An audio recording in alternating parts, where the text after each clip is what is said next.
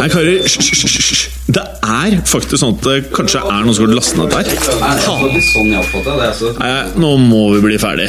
La meg bare få spilt inn her, da. Velkommen til fotballuka!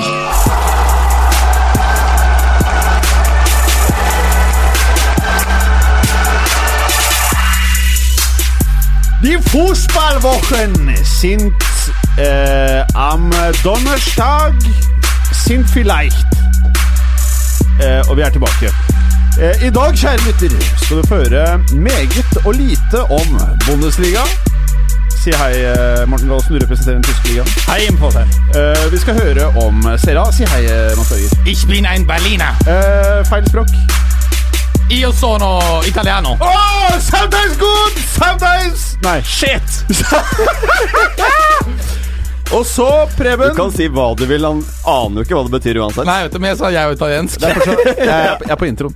Og så La Liga, Preben! Hei, si hei! Hei! Ja. Sier jeg da. Og så Galåsen, uffa meg deg igjen. Eh, Ligø! Ø! Hallo. Hallo. Veldig, veldig bra. Hallo, hallo, hva skjedde med den serien egentlig? Og, og, De avslutta. og, og så og så blir det jo selvfølgelig eh, Premier League, eh, kjære lytter. Det veit du jo egentlig fra før. Og så er det mm, mannen med de mange barna. I Én i hver by i hele Norge. Uh, Morten Gallosen. Etter hvert land i hele Nei, Europa. Gallosen har bare par i California. Sacramento. Alt dette og veldig mye mer i dagens episode av Fotballuka!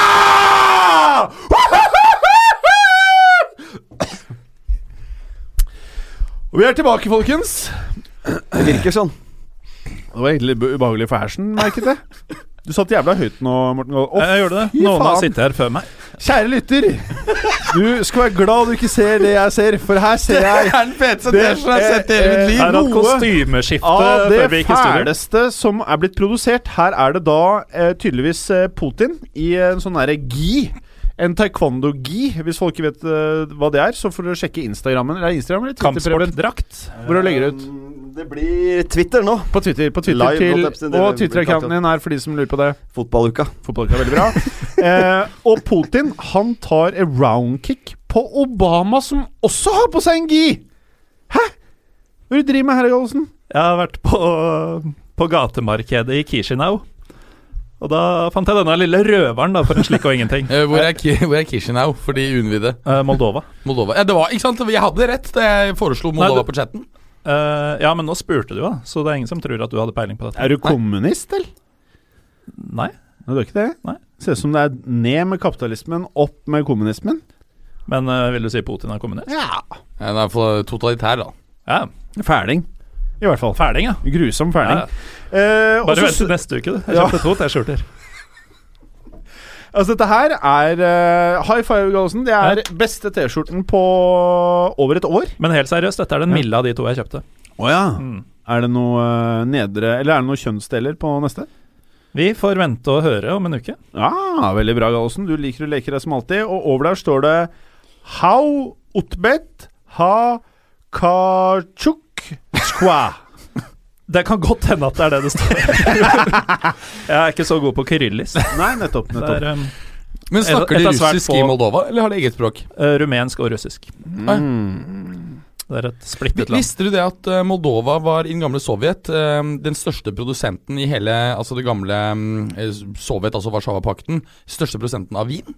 Nei. Eh, på verdensutstillingen i Hanover i 1998, eh, hvor jeg og en kompis først hadde tatt eh, buss i 24 timer til Amsterdam eh, for å kule der noen dager. Og akkurat fylt 18 år. Tok vi tog over til Hanover.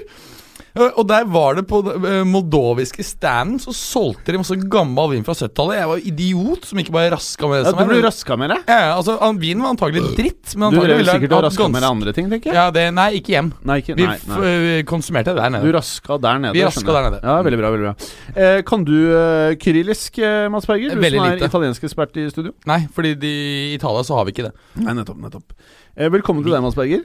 Takk. Nå ser du jo upåklagelig antrukket ut, da. Det er jo bare å si. Takk. Ja. Takk. Det er kaldt, så jeg har Silke- ullgenser og, um, Ja. og skjerf. Ja, Mm. Silkeskjerf, eller? Nei, det er nok ull. Kasjmir? Eh, det er det. Ja, det er det. Mm. ikke sant? Nettopp kasjmir. Samme som uh, headsetet. Kasjmir? Er det også Kashmir? Nei, det er ikke det. det, er ikke det. Velur. velur. Velur, ja. Er. Eh, og så har du en nydelig strikkegenser på deg. ja. Og lue. Eh, Og lue. Jeg må ha varme, vet du. Ja, ikke sant? Mm. Er velur det samme som nervøs fløyel? Uh, ja, Det tror jeg. I visse kretser, vil jeg vel anta. I så fall må man kalle det nervøs fløyel. Må ikke. Man kan velge. Vi gjorde ikke i dette tilfellet. Preben, velkommen til deg! Hei, sjefen for sosiale medier eh, var litt opptatt nå. Ja, ja, Med å legge ut den T-skjorta. Det tok ca. fem minutter. ja, du har posta bra. Jeg har det. Og du har på deg favorittpappagenseren din. Det har jeg. Det er den, Den som er faktisk splitter ny, den òg. Den er bare en dag gammel. Faen, du har blæsta cash på Kopierte rett og slett sist, eh, klærne til min gode kollega Stian Emil. Å ja. Jeg ble så misunnelig på den varme genseren han hadde på jobb, at jeg eh, måtte ha kliss lik. Hvor kjøpte du den? Eh, Anton. Ken. Vasenius Nilsen, som hadde akkurat samme genser tidligere i dag. Det er veldig mange som har akkurat lik genser, for den er stort sett utsolgt overalt. Ja, Og det er en uh, Ulvang genser. Det er riktig. Ja, som ikke er spesielt varm. For jeg har den sjøl. Du har den du òg, ja? Jeg syns ikke den er spesielt varm. Nei, det er kanskje Er- bare er det ull det er psykisk uh, varmt, da. På Farmen så driver jeg går rundt med den hele tiden. Mm. Men jeg lar meg ikke imponere av Farmen. Eh, jeg Nok til å deg- kjøpe den, da. Eh, eh, jeg fikk den i julegave. Mm. Du spurte ikke hvem jeg fikk den, skjønner du. Jeg tok innsving på deg. Det var litt deilig. Det er ikke så ofte jeg gjør det. Eh, Preben, Ja. jeg spør deg uke etter ute, uke etter uke. Hva er det største øyeblikket i denne fotballuken som har vært, eh, Preben Ringerike? Det er ikke det største øyeblikket mitt, men det som har tatt mest fokus denne uka, var eh, gårsdagens fadese og parodi av en eh, fotballkamp hvor det ble brukt uh, VAR. Vi har fått helt sinnssykt mye meldinger på Twitteren hvor folk ønsker at vi skal ta opp uh, VAR i dag. Det var, uh, altså det var det verste av det verste av det du kan tenke at VAR kan bli. Det var det som utspilte seg på Wembley da Tottenham møtte Rochdale i FA-cupen i går. Eh, hvor alt Altså alle de som har fordom mot dette her, fikk på en måte vann på mølla. Så det var helt krise. Så vi har jo fått Skal vi begynne med det med en gang, eller? For vi har fått eh, masse her. Skal vi se hvor vi skal begynne her, da. Um, vi kan begynne med Pål Anders Karr, Karr83 på Twitter, som sier VAR, få det vekk.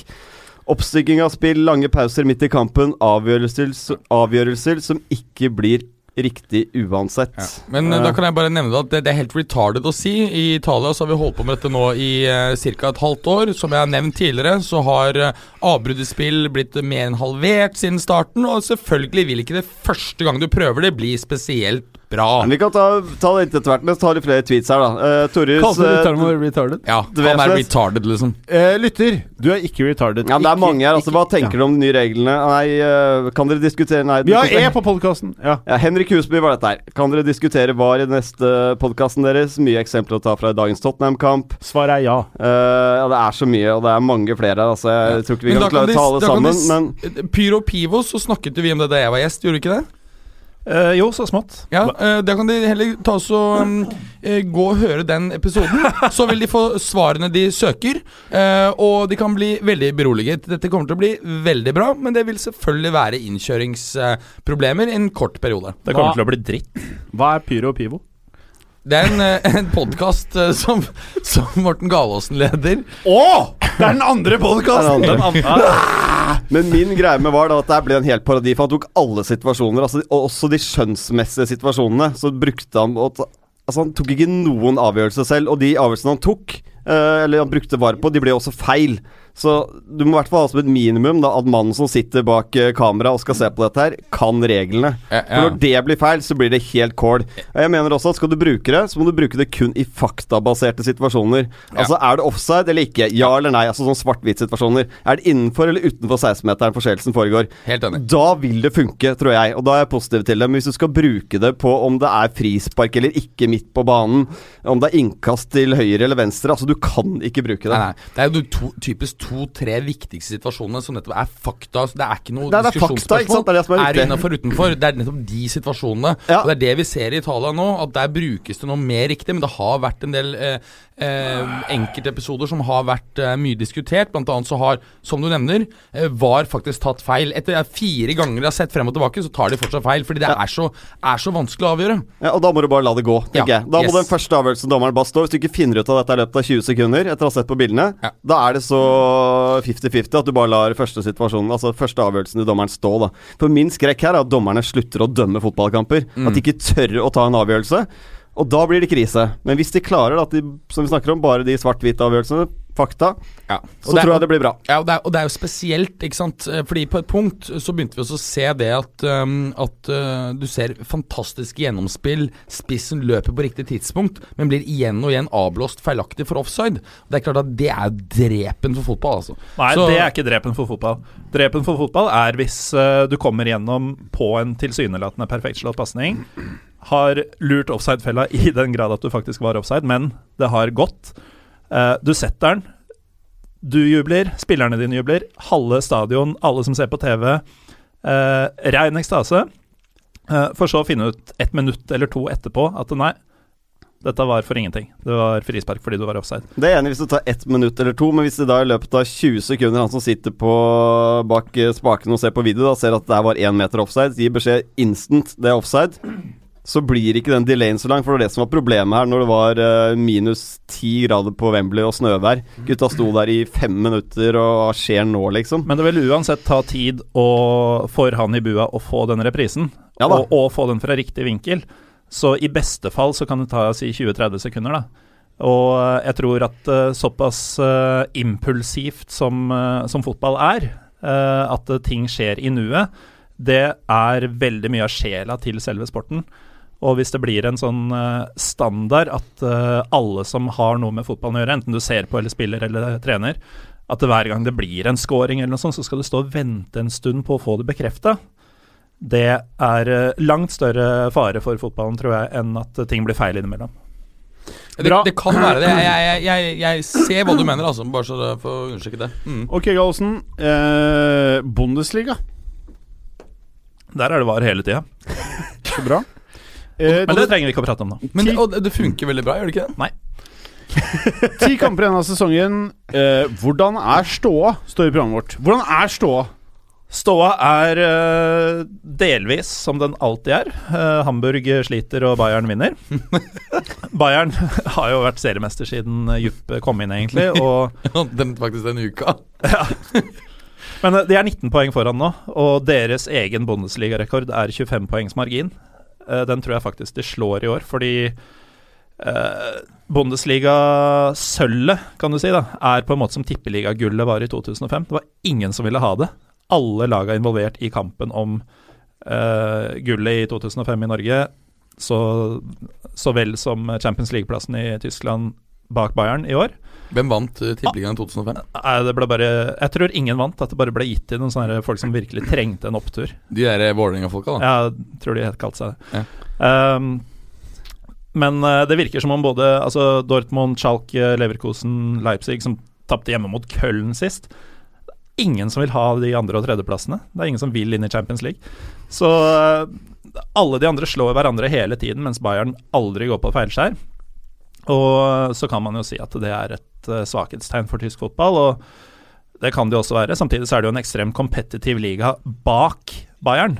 Altså Bayern er en helt sånn suveren særstilling som uh, Juventus har vært i mange år i Italia. Uh, PSG har vært bortsett fra i fjor, uh, da ting gikk på tverke for dem. Eh, så gullkampmessig, og også resultatene i Europa, så er jo kanskje Bundesliga ikke helt kvalitetsmessig der det skal være. Men hvis man klarer å se spenning i, eh, i de andre eh, Altså kampen om de andre topplasseringene, og i bunn, ikke minst, så er Bundesliga fortsatt sinnssykt fett. Hevder noen. Ja, Men det, er jo altså fra andre til sjetteplass. da. Det er de eh, plassene som gir Europacup. Det skiller tre poeng. Og av de fem lagene så er det ingen som har vunnet mer enn 11 av de nå 24 som har blitt spilt. Mm. Bayern til sammenligning har vunnet 19. Mm. Så det, hva som helst kan skje i hvilken som helst kamp, så lenge Bayern ikke er med. Hvordan går det med ditt kjære Red Bull? Du, de ligger foreløpig på sjetteplass, men eh, det er jo bare tre opp til andre, da, hvor Dortmund ligger. Og de to lagene møtes i Leipzig på lørdag kveld. Eh, den tror jeg blir uh, dødsfett. Mm. Riktignok ikke på den måten man tidligere har, eh, har tenkt at det skulle bli fett, fordi etter at Peter Støger tok over Dortmund, så er det lite som minner om uh, den reine fotballgleden man fikk av å se både Tuchel og Klopps uh, årganger tidligere, og Boss for så vidt, uh, på litt, andre, litt annet grunnlag. Men det er mye mer kynisk og mye mer resultatorientert og litt mindre sprut framover. Men uh, Nabi Keita, han har ikke vært Det har ikke vært ordentlig schwung i, i gården der i siste? Nei, jeg vil nesten tenke at hvis Liverpool ikke hadde kjøpt den i fjor sommer, men venta til denne, Ja. så ville de kanskje fått den billigere. Jo, men tror du ikke at uh, hans uh, svake prestasjoner er fordi hodet hans nå er nettopp uh, på Anfield? Jeg tror det nok er mer komplekst enn som så, men jeg tror kanskje at å stille spørsmålstegn rundt hodet hans er, er viktig, holdt jeg på å si, eller er riktig i hvert fall. For det er en spiller som får mye hodeløse kort. Eh, det er en spiller som eh, ofte forsvinner ut av kamper hvis Men nå er han jo skada. Ja, ja. Uh, og det er uh, sikkert for et lag som prøver å få Champions League. Sikkert ikke det diggeste uansett. Nei, de ville helst hatt den på banen, selvfølgelig. Men uh, han har vært en skygge av det han var i fjor. Mm. Og han er skada nå. Han var knapt skada i hele fjor. Det har vært mye suspensjoner, det har vært mye tull i det hele tatt.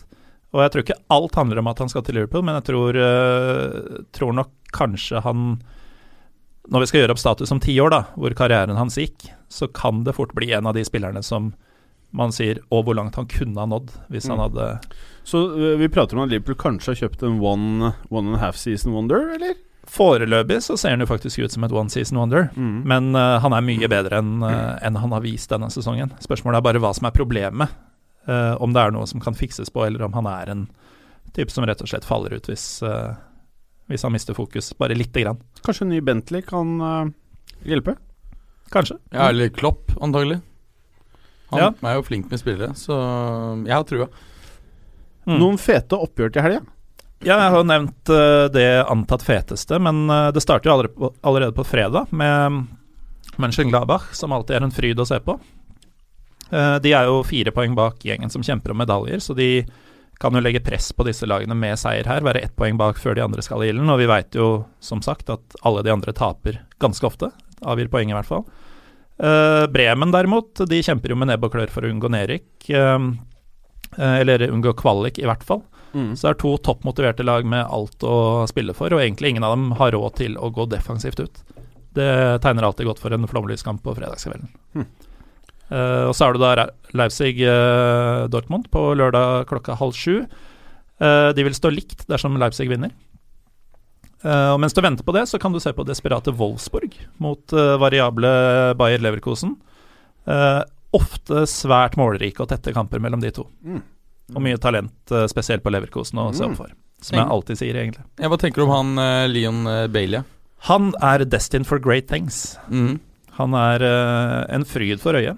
Eh, jeg har snakka litt om han tidligere, men han har hele pakka. Og han eh, er vel fortsatt bare 20 år, hvis han ikke har fylt 21 ennå. Eh, han kommer bare til å bli bedre, og jeg syns han har en stabilitet som både litt stri, går litt imot resten av laget han spiller med, men også som strider litt mot alderen hans.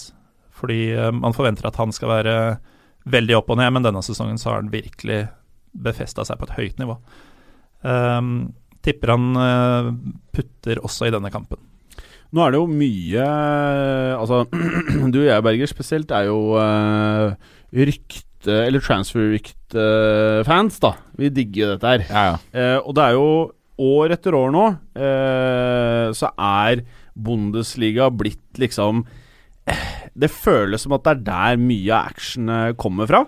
Eh, hva er liksom nye kalven som skal opp i toppklubben i Spania eller eh, Premier League? Eh, Leon Bailey er jo nevnt, han er vanskelig å komme utenom. Ehm, Julian Weigel har vært nevnt i mange år som løsninga på Arsenal og United og Liverpool osv. sin eh, midtbaneproblemer. Han har hatt en litt vanskeligere sesong, han også. Litt skader og litt eh, annet. Ehm, hadde jo ikke de beste kårene under Peter Boss, blant annet. Eh, men i det hele tatt så er det jo mye, som alltid, um, mye spennende angrepsspillere som ikke er rene spisser i Mm. Tyskland. Hva med han eh, grusomme amerikaneren i Dortmund? For eksempel. Mm. Uh, spiller jo i Han de posisjonene. Pulisic. Ja, han har jo spilt seg inn på laget. Han er jo i elveren. Mm. Dabba litt av utover sesongen, uh, men selvfølgelig en spiller som har vist at han kan levere på i hvert fall det høyeste nivået i Tyskland. Og for så vidt, i likhet med resten av laget, feila litt i Europa. Men uh, definitivt en spiller som kommer til å, kommer til å ta store steg. Uh, det som er med de tyske, eller spillerne fra Tyskland som går til større ligaer, og da spesielt Dortmund-spillerne, er jo at de ofte faller gjennom når de kommer derfra. Det er veldig spesielt, faktisk. Mm. Uh, så det er alltid de man har størst forventninger til. Bortsett fra Leva, da. Men Og det så var, eh, Ja, vi får se. Til en tysk klubb, da. Samme Ja. ligaen. Ja, de klarer seg ofte bra. Men Eh, Weigel er jeg litt skeptisk til. Syns han mangler tempo mm. til å bli ordentlig, ordentlig god. Jeg tenker at han kan komme til et visst nivå, men som til slutt da, så handler det om at du må ha tempo i kroppen for å henge med og bli ordentlig, ordentlig god. Ja, eventuelt så må du bare velge lag og liga du drar til med omhu. Det er riktig. Jeg tror Sånn som at, Ødegaard. Ja. ja. sånn som, sånn som Ødegaard. Eh, også en annen eh, liten digresjon. Hakson Martinez. Yeah!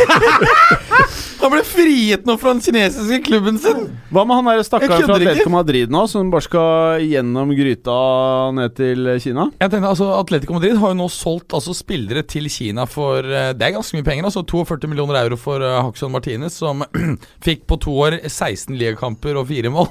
Altså Jackson Martinez, det var en rar greie. Ja, det var en rar greie. Hele opp... Ja. Eh, noe mer, eh, Gallosen, før vi vandrer videre?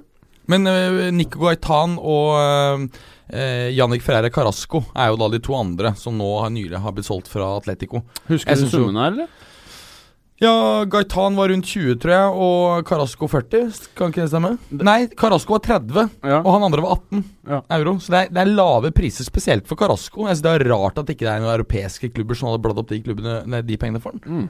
Er du ikke enig? Jeg jeg syns bare hele timingen, hele transferen og bare Jeg syns alt virker veldig snort. Ja, Altså, Gaitan skjønner jeg, for han eh, kommer ikke noe vei i Europa. Eh, sorry, ass. Men uh, altså, jo, Carasco i United kunne gjort det stort. Wingback på venstre. Ja, det men uh, Carasco blir jo samme skjebne som Alex Teixeira. da Hvem Er det noen som vet om Teixeira lever i dag? Altså, De blir bare borte, på en måte. Han gjør det, og Eh, angrer er veldig jo- på at han ikke dro til Liverpool. Ja, og Det Carasco, Liverpool gamle Carasco feil, ikke det? Ja, Carasco er jo ung fortsatt. Det er jo helt horribelt å kaste bort karrieren sin uh, for Carasco. Han òg kan kjøpe seg Bentley. Men jeg tror en av, års jeg tror en av, en av årsakene tror jeg er at um, med den overgangen som uh, Altså Paulinho-overgangen, så viser jeg at det faktisk går an å komme tilbake fra Kina og gjøre suksess på det øverste nivået i Europa.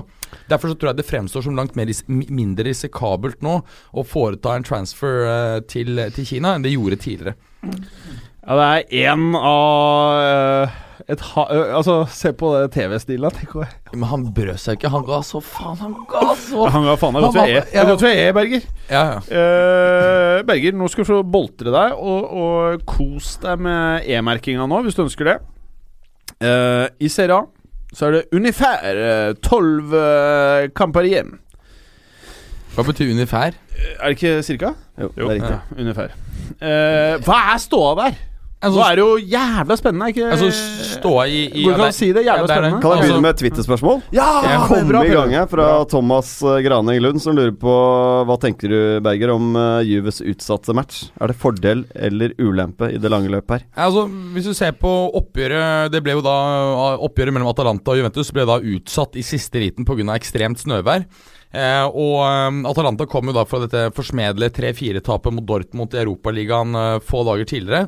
Eh, I startoppstillingen så hadde de tre spillere som ikke hadde spilt i, i Serie A hele sesongen. Å, Så det var et megaredusert lag, så det var åpenbart drawback for Juve at ikke kampen ble spilt. Så kan man snu på og si at ok, men da slapp dere den kampen. Mindre belastning på spillerne.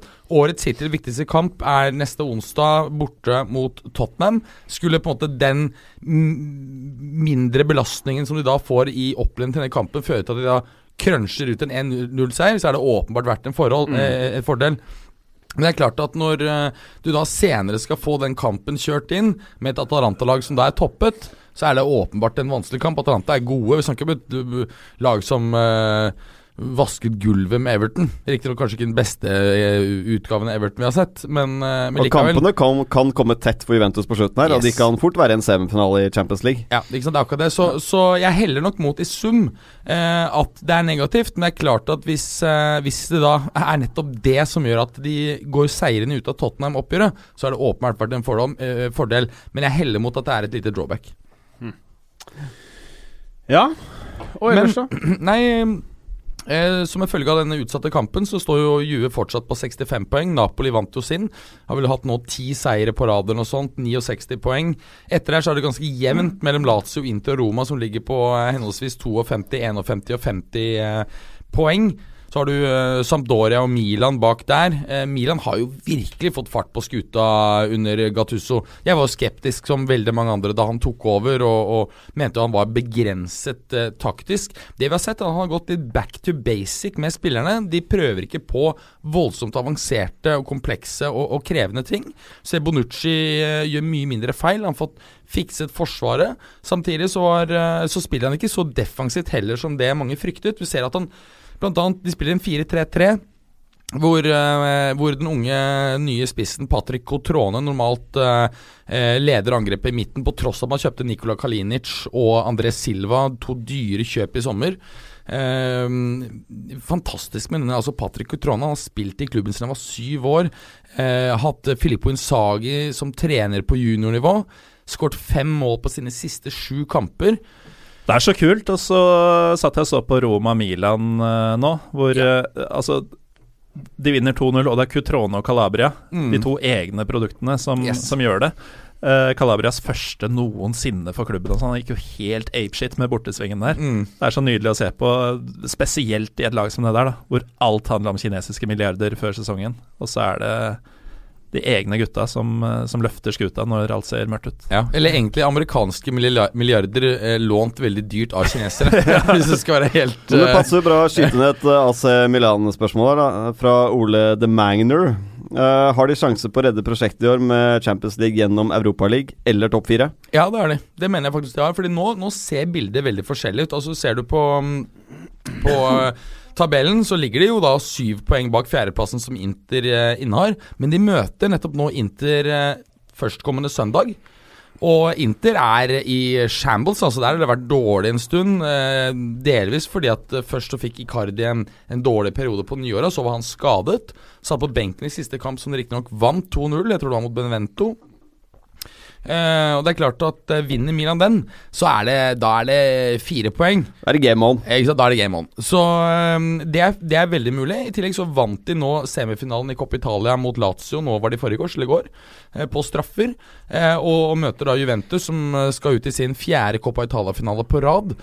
Det er klart at Der får du en mulighet inn til Europa, og så skal de jo møte Arsenal. Vi vet jo Det er godt mulig Arsenal vinner, men det kan like gjerne bli Milan, tror jeg. Det der er eh, Hadde du spurt meg for tre måneder siden, så hadde jeg sagt at Arsenal ble valset over Milan.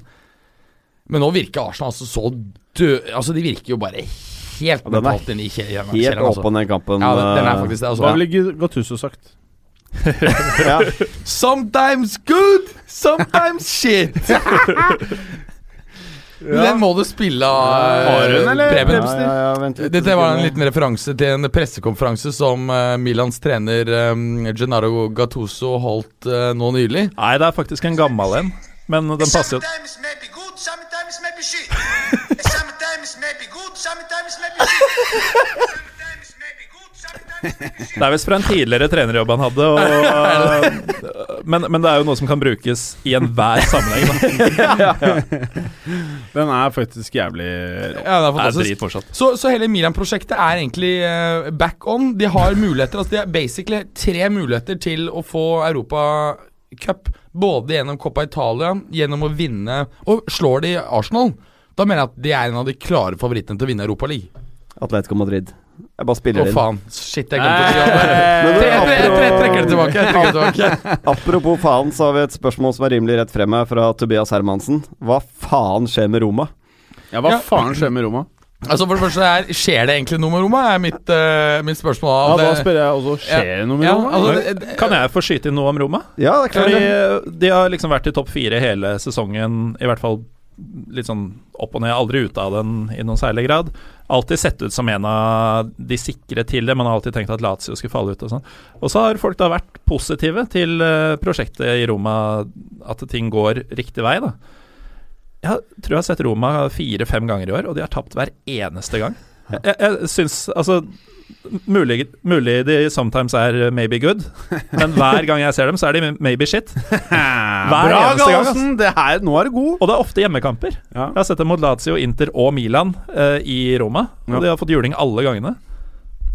Ja, nei, og, og det samme skjedde jo nå i, um, i helgen, da de, eh, de tok imot uh, nettopp nevnte AC Milan.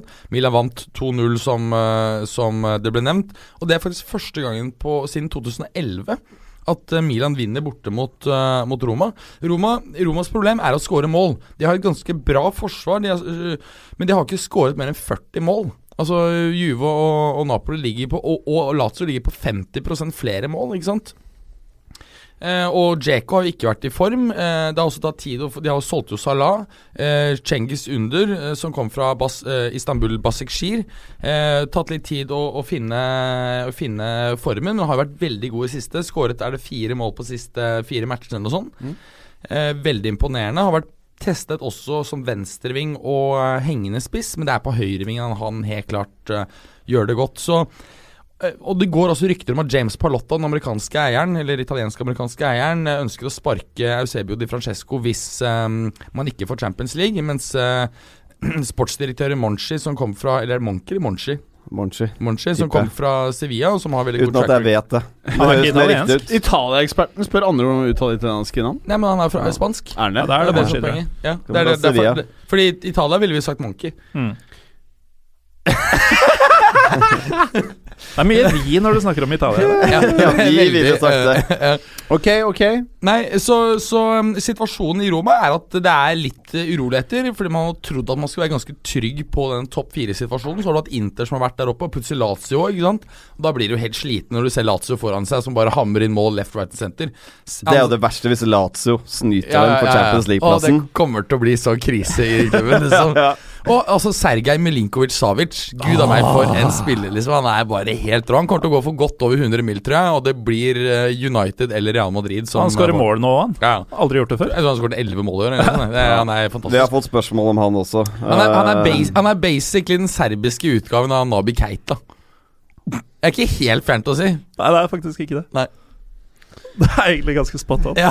Fordi, ja, det, hvis du ser på spillere som på en måte uh, både har god forsvarsstatistikk, altså i forhold til med interceptions, taklinger, og også mål assists Det er veldig få som har. Nabi Keita trodde vi var to spillere i fjor. Og Det er litt det samme der uh, SMS, som han kalles i uh, Italia, mm, har det i år, da. Men det er noen sånne jævler som bare Uansett hvor på banen du som motstander har ballen, så er han fyren. Ja, ja, Det, det spiller ingen det- rolle ja. om du presser inn på deres halvdel, eller om de kommer mot deg. Det er alltid han. Og så er han, han uh, Milinkovic Savic er jo så jævla svær. Han er jo 1,95 eller noe sånt, men likevel så er han rask og smidig. Det er liksom sånn derre deg Gallosen ser ned på han. Ja, det er litt sjukt. Ja. Ja, høyst sannsynlig. ser ned på de aller, aller fleste. Ja, det vil jeg si. Uh, er han noe for uh, Juve? Hvis Ja, pengene jeg, hadde jeg, vært der? tror Juve hadde Det jeg hører, er at Juve prøvde å kjøpe han for 60-70 euro i sommer, og de sa Ja. nei. Ja. Uh. Så det var Juve som lagde det hemmelige Det er det jeg har, uh, har hørt fra, mm, fra Torino. Mm. Så uh, det er det jeg hører, fordi de skjønte at her er det på en måte bare dratt den inn, så får du solgt den for 50 ekstra om noen år. Jeg, jeg tror, jo, tror jo at uh, det her er, lukter veldig en kamp mellom, mellom um, United og Real. Lukter veldig sånn. Hvis han går til Real, så blir det noe Sturtan. Hvis han drar til Ja, da blir det en ny Pogba. Nei, det er slemt å si. Pogba har faktisk ikke vært så dårlig som, uh, som dere skal ha til. Hvordan blir det, Gallosen? helt enig, han har ikke vært så dårlig. Nei, Jeg hadde egentlig tenkt å spørre om du kunne spørre hvordan det er å være så høy. Ja, hvordan er det å være så høy, eh, Gallosen?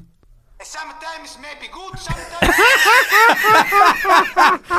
Så på Ryanair-fly, for eksempel, så er det ikke så good. Hva er det da? Da er det sometimes maybe shit. Ja, øh, så han burde jo dra til Real, da, er det prøver å si. Ja, jeg, Ja, for hans egen del, da. Ja. Men for fotballuka sin del så burde han dra til United. Nei, nei, jeg syns også han burde gått til Real uansett. Det synes Det er mye morsommere å ja. til United. Men eh, jeg må også si at jeg vil, gi et honnør til Sampdoria, som ligger liksom oppi her med Milan. Det er ganske godt gjort. Det er etter å ha solgt bl.a. Milan Skriniar, som er den fantastiske stopperen som har vært veldig god i Inter. Eh, og og, og de, de, har, ja, de selger unna hele tiden, og så er det en litt sånn kar som jeg følger litt med på der. Polsk, øh, 20 år gammel kar, da, David eh, hvor, hvor, Jeg kan ikke uttale de navnene. Men han har det sjukeste målsnitt Han får ikke spille, men han har sånn I Coppa Italia så har han skåret hvert 35. minutt. Men han har bare spilt Greit. 70 minutter. Det er sånn, så, og det samme gjelder i Serie A. Altså, Han, han, han, Hvem er er det, hvem er det jeg prater om? David W. Han, ah, ja, nettopp. Men han er- husker jeg bare fra Roberto Mancini og Pietro Viercovod. Da er vi på 90-tallet. Ja. Da er vi langt tilbake i tid. Men de er flinke med talentet. Også Icardi også kom jo derfra, ikke sant, før han eh, før Hadde ikke til, eh, Casano ganske decent år Casano. Der han kom, hadde sin opptur igjen etter, mm, etter Real Madrid. Ja, at han ble bare most. Ja. Og moser seg sjæl litt. Det var vel han og Gia- Gianpaolo Pazzini sammen. Mm. eh, hvor han litt hang bak Pazzini ikke sant, og, og kom med pasninger. Det er deilig spisspar, altså. Ja, det er det. det, er det. Det er Casano, skikkelig nydelig. Det var litt gøy, mann. Ja, Han var så, så grusom at det ble bra. Det syke fortalte han den der selvbiografien hans. eh, det, det en Perfekt kveld for han, det var å først eh, ha sex med en hore. Det var det han gjorde mye i Madrid. Ja. Eh, og så spise kaker. Det altså pastries. Sometimes maybe good, sometimes maybe bad. Ja. Er det David Kovnatski du tenkte på? ja, helt korrekt. Det var ikke noe vanskelig å si. Nei, jeg synes det var litt vanskelig. Sometimes. Ok, er det noe oppgjør uh, lytteren virkelig må sperre opp øynene for? Ja, det er, Dette er en kremhelg i, i Serie A. Ja. Lørdag klokken 18.00 så bankes det løs med Lazio Juve. Før man like etterpå, 20.45 for Napoli-Roma. Helgen avsluttes med Milan-derby 20.45 søndag kveld. Mhm. Dette er knall, altså. Mhm. Hva blir din uh, favoritt of the bunch? Uh, jeg vil faktisk da nesten trekke frem Milan-derby. Fordi det vil være så, så ekstremt viktig For sant, De andre to kampene handler om toppen. Og da må du se to. Skal du se bare én, så er det nettopp den. Både for det er Milan-derby, og for det handler om den viktige Champions League-plassen. Mm. Men det handler jo om uh, både gull og Champions League-plasser i de to andre kampene. Eh, Det er for så vidt riktig. Men For en vill fotballhelg vi har foran Ja. oss. Det er så mye fete oppgjør i alle ligaene den runden her. Ja. Jeg merker at Köln-Stuttgart kanskje må vike denne helga. Det kan med- jeg ikke skjønne. Hva med Union Berlin? Hvem er det de møter? De spiller heldigvis fredag kveld. Ja, det løser eh, heldigvis det. Preben, Ja. Uh, i La Liga. Mm. Det er også tolv eh, runder igjen. Eh, vi var vel kanskje litt tidlig ute med å si at eh, Barca hadde tatt dette her, kanskje? eller? Nei, øh, vi, jeg syns jo ikke vi var det. Men det er kult det som skjer med Atletico Madrid nå. Altså I 2018 nå så har de spilt øh, Er det ni kamper de har spilt? Åtte seire, én uavgjort. Uh, så det, altså, den Diego Costa-effekten da har jo vært helt syk på dette Atletico Madrid-laget. Grisemann er Altså det er syv mål på de to siste kampene nå. Uh, han ser jo plutselig ut som den spilleren som vi egentlig trodde han skulle bli, og som han egentlig var i en liten periode også, men uh, som han nå i høst uh, ikke var i nærheten av å være, fordi uh, han hadde ingen Så det Costa gjør, det er at han tar jo så ekstremt mye oppmerksomhet fra Forsvaret. At Griezmann får de små rommene han trenger for å, å skåre målene. Så de er fire poeng bak Barca nå. Nå kommer det match nå i helgen. Barcelona-Atletico Madrid. Søndag kvart over fire. Nok en kjempematch. Den må jo egentlig Atleti vinne. Eh, Vinner de den, så er, jo, er det jo game on, da. Da er Ja. jo tittelracet åpent. Ja, nå skal vi jo sies at uh, Barca spiller mens vi sitter her og snakker, så spiller de borte mot Las Palmas. En hengekamp, og den uh, minner ikke noe sjukt skjer. Så vinner de den uh, helt enkelt, og da er det syv poeng. Så de kan da få det ned til fire poeng igjen da nå i helgen. Men det er klart, eh, la oss si her nå, nå De som så forrige matchen til Barca, så la jeg merke til at uh, Suárez var veldig ivrig etter å prøve å få et eh, gult kort og suspensjon i Las Palmas-kampen. Får han et gult kort Dommeren var veldig proff, syns jeg. Som bare sa at Ja. han skjønte i hele gamet. Bare 'sorry, du får ikke noe gult', liksom. Nei, han var ikke i nærheten. Det Han ganske rakk- kul greie at Ja, ja. han prøver og prøver å få Ja, det. og at vi rakk opp 'Jeg skal bare ha ett gult', jo! ja. Men han starter jo i kveld da mot Las Palmas, så Håper han får det gult, får han gult der, så er det ganske sjukt. Ja. For uh, Nei, Luis Ares sa jo etter den Han var jo helt crap i starten av sesongen. Han hadde en skade i inngang til sesongen, men nå i det siste så har jo Louis Ares vært uh, Igjen. En av verdens aller beste spisser. Det har vært fantastisk. Eh, altså Det ble jo selvfølgelig litt off topic. Eh, liten digresjon, som jeg pleier å kalle det. Uruguay er jo med de til sommeren. Det skal bli ganske moro å følge Uruguay eh, til eh, i VM. Eh, hvis vi får både Cavani og Suárez inn der i knallform. Tenk deg han blir most av VAR, da. er det en som blir most Skal av det være var i Nei, De avgjøres nå i helgen, faktisk, Om- det blir VAR i VM i dette IFAB, da, som sitter i International Football Association Board. Men man må jo bare anta at det blir det. Ja, det, alt tyder jo på at det blir det. VM og EM er jo Eh, alltid prøvekaniner for sånne ting, av Ja. en eller annen grunn. Ja, så høyst sannsynlig så blir det det. Men uh, Atletico Madrid mot Eller Barcelona Atletico Madrid, det er to av Europas aller beste lag i øyeblikket som møtes. Det er en, uh, en rysare. Vi må snakke litt om Real Madrid, da. Det er liksom som med Madrid når vi tror de på en måte har funnet formen igjen. Så, så går det å tape borte mot Español. Nå er det jo for så vidt Español gått ubeseira hjemme i år mot uh, både Barca og Atletico Madrid og nå Real Madrid. Eh, Så det er ikke noe lett match, men uh, et eller annet med dette Real Madrid-laget at de gir helt fullstendig blaffen i La Liga. Det er kun Champions League som teller for dem nå. Altså den, de kommer jo topp fire og får Champions League-plass, så det er jo ikke noe issue. Men det var jo også et litt redusert lag. Jeg så Det det deler av matchen, eh, og de var ikke gode i det hele tatt. Nei, men i fjor da så gjorde jo Zidane det samme, og da overbeviste annenrekka. De vant allikevel en match som dette, så vant de 3-4-0. Ja. Uh, Asensio sto frem i de kampene. Det gjorde han ikke nå. Altså, dette var kamper hvor Kovacic, Isco, Asensio, altså annenrekka, virkelig briljerte i disse bortekampene hvor Ronaldo, eller hvor Ronaldo ikke var med engang. Jeg ser at Zidane kjører samme taktikken, og at Ronaldo ikke er med på bortekampene. Mm. Sitter hjemme og koser seg i leiligheten sin og lader opp med massasje og det hele. Så, men det er et eller annet med det Madrid-laget nå som dere Nei, jeg, det, det er ikke den flyten de hadde i fjor. Det virker at de må grinde det mye mer ut da enn de måtte i fjor. Det gikk litt mer av seg selv. Men det er vel ikke så mye mer å prate om. Real Madrids sesong er topp fire nedi der, og så er det Champions League. Det, er, eh, det, det tror jeg vil være greia. Og så Jeg syns ikke det er ekstra når de møter Atletico Madrid og Barcelona. Det er vel Jeg er helt enig. Helt klart. oppsummert. Men det er ikke sunt for en klubb, tror jeg, da, at uh, hele gjengen bare er enige om at uh, kun noen få ting betyr noe. Eh, Men altså tror du, tror, storkampene tror du det er sånn at de sitter i garderoben og bare Ja, vi chiller. Jeg tror ikke det er sånn. Det er bare at uh, Jeg tror ikke det er sånn Det er ubevisst. uttalt, Det er men, ubevisst. eh, men det sitter den. noe i, uh, i veggene der nå. De driter om de blir nummer to eller fire i den ligaen. Altså det, det Ja, tror jeg ikke har noen ting å si personlig for de spillerne. Men hva som er sunt eh, Altså, laget har vunnet eh, alt i to år, da. Eh, altså tre CL på fire år, da. Det er uhørt. Mm. Og jeg vet ikke. Det, det, det, det virker som at eh, det er ganske mye som skal til for å holde et sånt nivå oppe over tid. Ref Ja. hvorfor Ronaldo og Messi er det sykeste som har skjedd i fotballen ever. At de klarer å gjøre det over tid. Og det er jo det man ser. At det er veldig få klubber som klarer å gå imot sykluseffekten, da. Ja, og det, det Litt av problemet til Real Madrid denne sesongen er fordi de ikke var flinke nok til å bytte ut spillere. For å få inn ny, nytt Det var nettopp det vi roste de for før sesongen. At de hadde ikke Det var ingen som kunne komme inn egentlig og styrke det laget i noen nevneverdig grad. Altså Benzema var vel kanskje så vidt innom.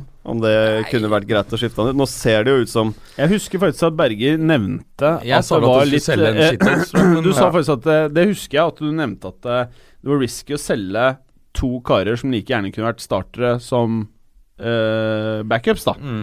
Men vi roste de noe jævlig for å ikke gjøre dumme ting. Mm. Og vi roste dere for å kjøpe de spillerne som vi da mente Barcelona burde kjøpt. Mm. Theo Hernandez, han er ferdingen på midten, Ceballos. Ceballos.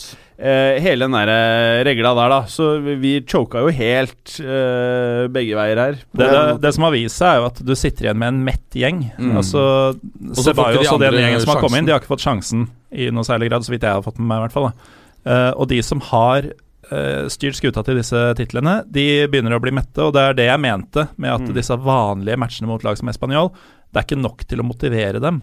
Eh, du må Nei, vente til toppkampen mm. mot byrivalen eller mot Barcelona eller Champions League-hymnen kommer. Mm. Eh, da er de gira. Da er de på, og da er de fortsatt, vil jeg tro, antagelig best i verden.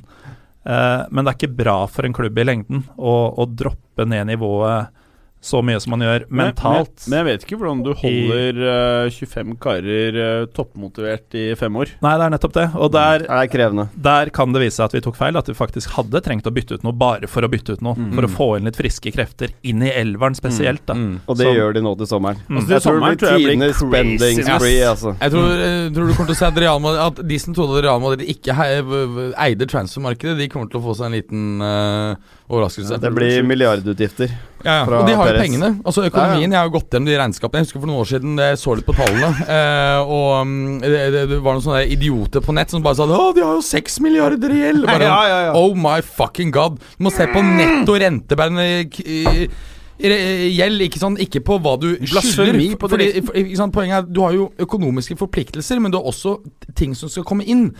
Transferene er typisk betales jo dyre transfers over en periode. Og det gjelder også salg. Jeg tror ikke Arsenal casha inn hele Øzil på en gang. Det betales over noen sesonger. Og når, du da nuller ut disse tingene, så viste det at de hadde jo ikke noe rentebærende gjeld av uh, i noe grad. Og, og siden det så har jo økonomien blitt enda styrket, så det ser jo dritbra ut i bøkene der. Med mindre United kjøper spillere. De betaler alt up front. Ja, ja men i motsetning til, eh, i til United så har Real Madrid en jævla bra transfer policy. United så er det jo dritings uh, Nei, det er helt vilt det de holder på med der. Altså Når de holdt på og brukt eh, Er det 5-6 si, milliarder? hver det er sånn, eneste sommer. det, det, det er sånn, det er kommet litt nærmere Det er kommet litt nærmere det å ha et topplag, men, Men- men- det er fortsatt så mye huller på det laget Men bare hva what the er morsommere enn å følge United i transfermarkedet? Det er jo veldig gøy. Det er jo Fantastisk. Ja, Nydelig. Og så er det god business for masse klubber på Ja. kontinentet. Og nå skal ikke jeg si at Sanchez kommer til å bli uh, failure uh, første Jeg synes, for meg ser det ut som han har ødelagt hele dynamikken i laget. Helt ærlig Det har vært en disaster. Det har vært en, det har vært en, jeg tror det er en kjempedisaster, hele det der der, liksom. Altså, det ødelagt uh, Det- det eneste Lingard er er- synd, Altså, ja. altså uh, Hesse Lingard uh, virker plutselig mer som han er Hesse Rodriges. Um, og jeg mener eh, Rashford, han nøtten hans er jo helt borte. Det samme gjelder Martial. Altså, det ser katastrofe ut. Det eneste som hadde gjort det verre, var hvis Henrik Miktarian bare eksploderte med 15 assist ut sesongen. Det er ikke så mye som tyder på det, da. Nei, men han, har vel, han har jo faktisk sett bedre ut i Arsenal enn uh, i hvert fall i første en kamp, i hvert fall. Ja, hvert fall. okay, det var. Ja, det ligger under 0-3 til pause mot City på hjemmebane nå, så Ja, det? Ja, det sant. De, de har ikke løfta seg betraktelig Altså, den- etter at Henrik kom inn. Den der overgangen på Aubameyang, han må jo tenke at hva faen gjorde jeg for noe? Ja, Hva altså, er det, slett- hva er det jeg dreiv I? Dortmund var for god, god stemning og 70 000-80 000 fans som var Men- fornøyd. Jeg tror han er bare keen på å båle i London i to Ja, år. ja, jeg skjønner Det er Det Så skal han til Kina, by. liksom? Ja, Jeg tror han driter i det. Yeah, whatever. Ja. Jeg tror han har det jævlig greit. jeg tror han har det fett, liksom. For nye striper Ja, det er jo bekymringsfullt for Arsenal-fans, da. eh, Det, det, det som er Problemet er at klubben tiltrekker seg folk som er hypp på å bo i London og leve som playboys. Det er det som er caset til Arsenal. Ja, ja, ja, ja. Det er jo et element av det. Som er, eh, altså Det er jo en sannhet i det. Ja, det er mange sannheter. Ja. Eh, Preben, er vi ferdig med La Liga nå? For nå mista jeg litt tracket. Nå. Vi er ganske ferdige, altså. Bra. Vi er det. Har du noen Twitter-snacks? Nei, Eller, er ikke så mye eh, fra Folk er ikke så interessert i La Liga, faktisk, tror jeg. Så det, Folk er flinke, Folk skjønner hva de skal følge med på. Eh, Gallosen, Mm. du har jo nå Ligue Ø du skal dekke også. Ja, Ja, Og der er det elleve runder igjen. ja. Kan jeg begynne med spørsmålet, eller? Fra Ja. Twitter? Fra Geir Halvor Kleiva. Geir Kleiva, ja. Ja, Kleiva. Hvor svekka er PSG egentlig med Neymar ute til Madrid-kampen? Han er ute nå i tre måneder, ryktes det.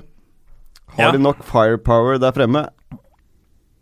Spørs hva du tenker på, da. Mot Real Madrid så tror jeg at eh, selv med Jeg tror vi snakker Madrid-kampen her. Ja, vi snakker Madrid-kampen. Jeg tror selvfølgelig ville de hatt en større sjanse med Neymar, men jeg tror ikke de ville hatt sjanse med Neymar.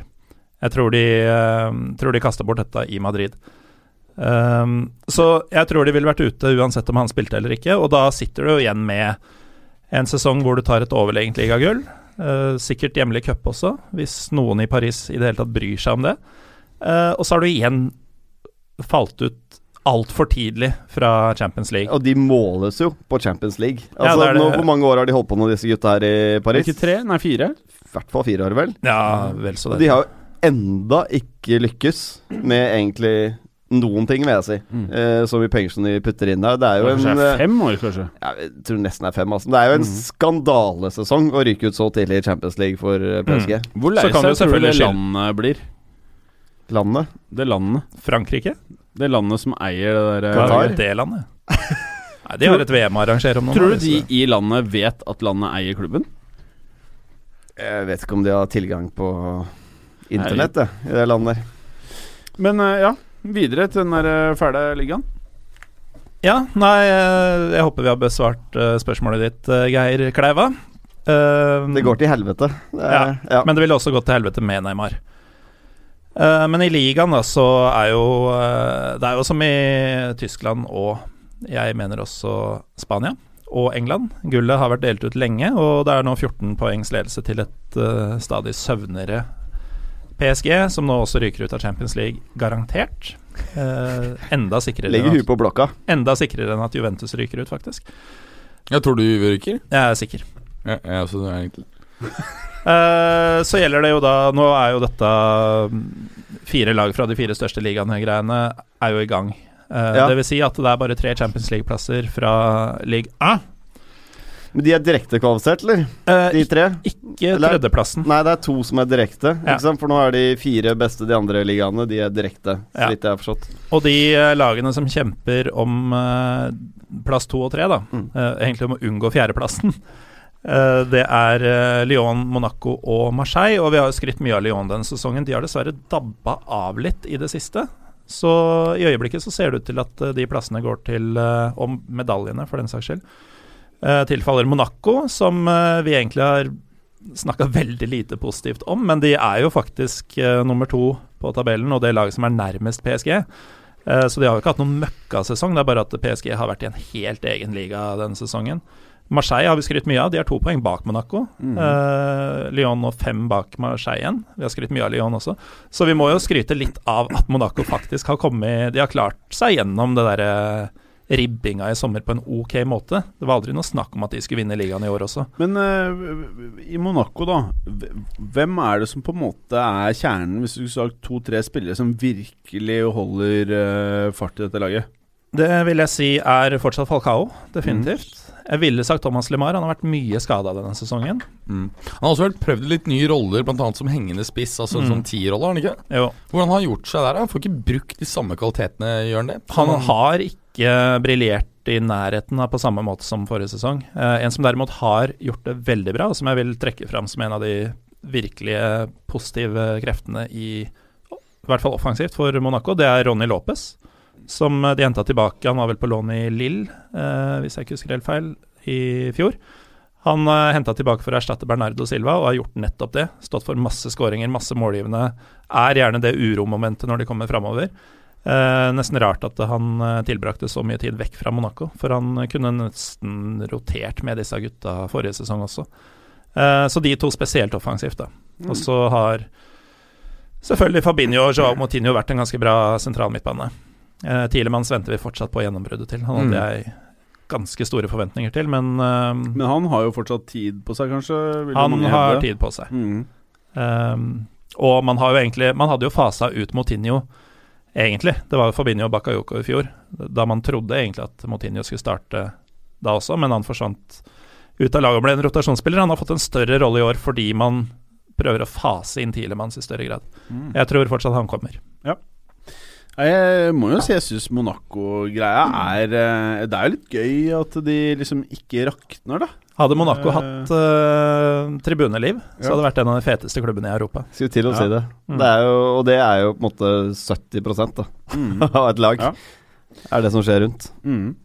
Uh, Men uh, det er disse fire da som, som tar europacupplassene. Uh, spørsmålet er bare hvem får direkte Champions League-plass, hvem må kvale, og hvem faller utafor Mm. av de tre bak PSG. Nevnte du at uh, det er mulig at både Markinios og Mbappé også er ute i realoppgjøret? Det nevnte jeg ikke, men jeg nevnte jo ganske ettertrykkelig at uh, det ikke spiller noen rolle hvem som spiller der. Ja, men det er jo- går videre. Krise også med Mbappé, i hvert fall. Altså, du Mm. har jo Draxler og du har jo Di Maria som du kan eh, hive innpå der, som i og for seg har gjort det bra. Nei, for det, altså, jeg tenkte først at da Neymar ble, Neymar ble skadet, at um, Di Maria har vært i så god form. Kanskje ikke det er et så stort problem, men når du, så gikk jeg noe sår på statistikk hvordan PSG har gjort det med og uten Neymar. Og antall mål de skårer, antall poeng de tar i snitt per kamp, er helt det er dramatisk forskjellig. Kan si hva du vil, men han er dritgod. Ja, Det er akkurat det Det som er egentlig altså- poenget mitt. Skal ja. si hva du vil. Eh, han er en drittunge, liksom, men han er dritgod. Et halmstrå kunne vært å si at eh, kanskje moralen i laget løfter seg litt ellers hvis Neymar ikke er på banen, men eh, Du må ha en voldsom forbedring av kollektivet for å, Ja. å kompensere for det tapet Namars fravær er, altså. ja, altså, om det hadde vært tilfellet, så er ikke den faktoren stor nok til å veie opp for tapet sportslig. Nei, Da må du så fall ha inn Nils Arne Eggen og Godfoten og det da kan du kanskje gjøre det, på en måte men da må du opp på det nivået, altså. Men uh, Emery må jo være ferdig nå. Ja, ja, ja. altså Det det- det- kan Altså Når du har en trener som lagets største spiller basically pisser på, Ja. så har du rett og slett ikke en trener som er stor nok uh, stjerne i gåseøynene. Det blir ikke dritspennende å følge hvem de faktisk får inn på benken her. Det føler jeg er relativt åpent uh, nå, altså. For spørsmålet her er jo Nå ryker de enda en gang tidlig i Europa. Uh, selv om de Altså, i gruppespillet, og før, i gruppespillet og før sesongen så har vi igjen da sagt at det, nå ser de bedre ut enn noensinne. Nå ser de bedre ut enn noensinne. Og nå hadde vi virkelig tatt et steg på markedet ved å bare sprenge rekorder og hente den neste store. Uh, og så skjer det samme igjen. Og da er spørsmålet kan de rett og slett ikke bli bedre, eller er det treneren? Det er jo treneren. Jeg også tror det. Ellers så er det litt uh, bare liksom historien eller liksom tradisjonene i uh, klubben. Så får du jo ikke matchingen da hver eneste uke i ligaen, som de andre store gjør her. Altså Ser I England så spiller de stort sett tøffe matcher, i hvert fall annenhver uke. Hver tredje uke, i hvert fall. mm. Nei, altså De engelske lagene gjør det veldig bra i Champions League nå. I år, er- ja. i år. Ja. Men så har jo de kommet et stykke. Jeg har sett De spanske lagene har jo tøffe kamper uh, stort sett hver uke. Frankrike så er det kanskje for mye walkover, da sånn som vi har sett med Bayern på slutten av sesongen, når de har vunnet ligaen i slutten av februar. At de har litt sånn, tatt litt lett på det. Det er det jeg kanskje tror PSG gjør i ligaen. De tar lett på det, for de vet at dette vinner vi 5-6-0 Mm. Og det- Det er i utgangspunktet et godt poeng, og et vi har brukt i noen sesonger av fotballuka nå. Ja. Uh, men i fjor så ble det jo matcha i ligaen, Mm. og vel så det. Uh, og de røyk jo tidlig da også, Uh, igjen mot et spansk lag. Fikk ordentlig juling. Eh, Jo, og, det, men og det var jo på et tidspunkt i sesongen hvor de Men- virkelig skulle vært på topp. Nei, altså det, det, det du sier der, tror jeg mener jeg er feil. Fordi det at de to, ikke vant ligaen, betyr ikke at de fikk god matching. Det betyr bare at det er et annet lag som er bedre. Det er, de lagene som er nedover, nedover er der, fortsatt så ræva at det er ikke ordentlig matching. Du får ikke opp toppnivået ditt. Nei, men de da. fikk ikke muligheten til å ta så lett på serien som de har gjort alle de andre årene, inkludert denne. Uh, Ja, de, men- de måtte faktisk kjøre på der også. Ja, ja. Men det endrer ikke det faktum at matchingen øh, du Den ukentlige hver lørdag, da. Ja. Du får en beinhard eh, test. Den, den er for svak. Ja. Det gjør at, og det gjør at tempoet du spiller på, blir for svakt. Du, er ikke, du greier ikke å skifte tempoet ditt nok ikke sant, til det voldsomt høye tempoet du må holde mot Barca og, og Real og den type lag for å Det blir et lite sjokk vet du, når du kommer eh, borte mot Madrid. Og, Ikke sant? Det er akkurat det. Men så tror jeg også, jeg vet ikke hva dere tenker da, men eh, det er jo vanskelig, vi sitter jo og synser rundt dette her, men eh, jeg kan se for meg liksom selv i et uh, lag som Milan, da Det er lenge siden de var en uh, storhet sånn uh, kontemporært, holdt jeg på å si. Men selv når du kommer inn der, så vet du liksom du, du ser bare bortover gangene der. Så selv om du vet at de ligger litt nede med brukket rygg, og de prøver litt innimellom, så vet du allikevel at det er en stolt tradisjon her. Det er en Mm. klubb som har fått det til. Og allikevel så er det mange av de menneskene som du møter i garderobene, som har vært med å vinne alt. Alt! Du skal det- ikke undervurdere det i det hele Nei. tatt. Du ser jo det med de klubbene som jobber seg oppover. Altså, ja, Tottenham er også et godt eksempel. Som spiller bra fotball, men som ikke vinner noen ting. For det er, De har ikke vinnerkulturen. Mm. Eh, Arsenal, som mange mobber hvert eneste sesong, de står i finaler hvert eneste år og vinner annethvert år. da Så tar de en tittel. Mhm. Det er noe med å ha den vinnerkulturen. Ja, ja fordi det er nok litt lite problem. ikke sant? Hvis du er en li liksom mindre klubb som ikke har noen sånn stamtavle på, på den måten, så blir du redd og forventer ikke å kunne vinne finalen når du endelig kommer dit. Mm. Veldig også, mentalt. Og så Ja. føler jeg vel kanskje at uh, noen ganger så Det er litt sånn rart å si da i moderne fotball hvor alle tjener helt latterlig med penger, men det føles veldig skrudd sammen for casha. Og at uh, jeg føler ikke Ja, PSG, ja. Ja, Ja, enig. jeg føler, jeg føler ikke at Mbappe eller Neymar tenker at dette her er et long term prosjekt for dem.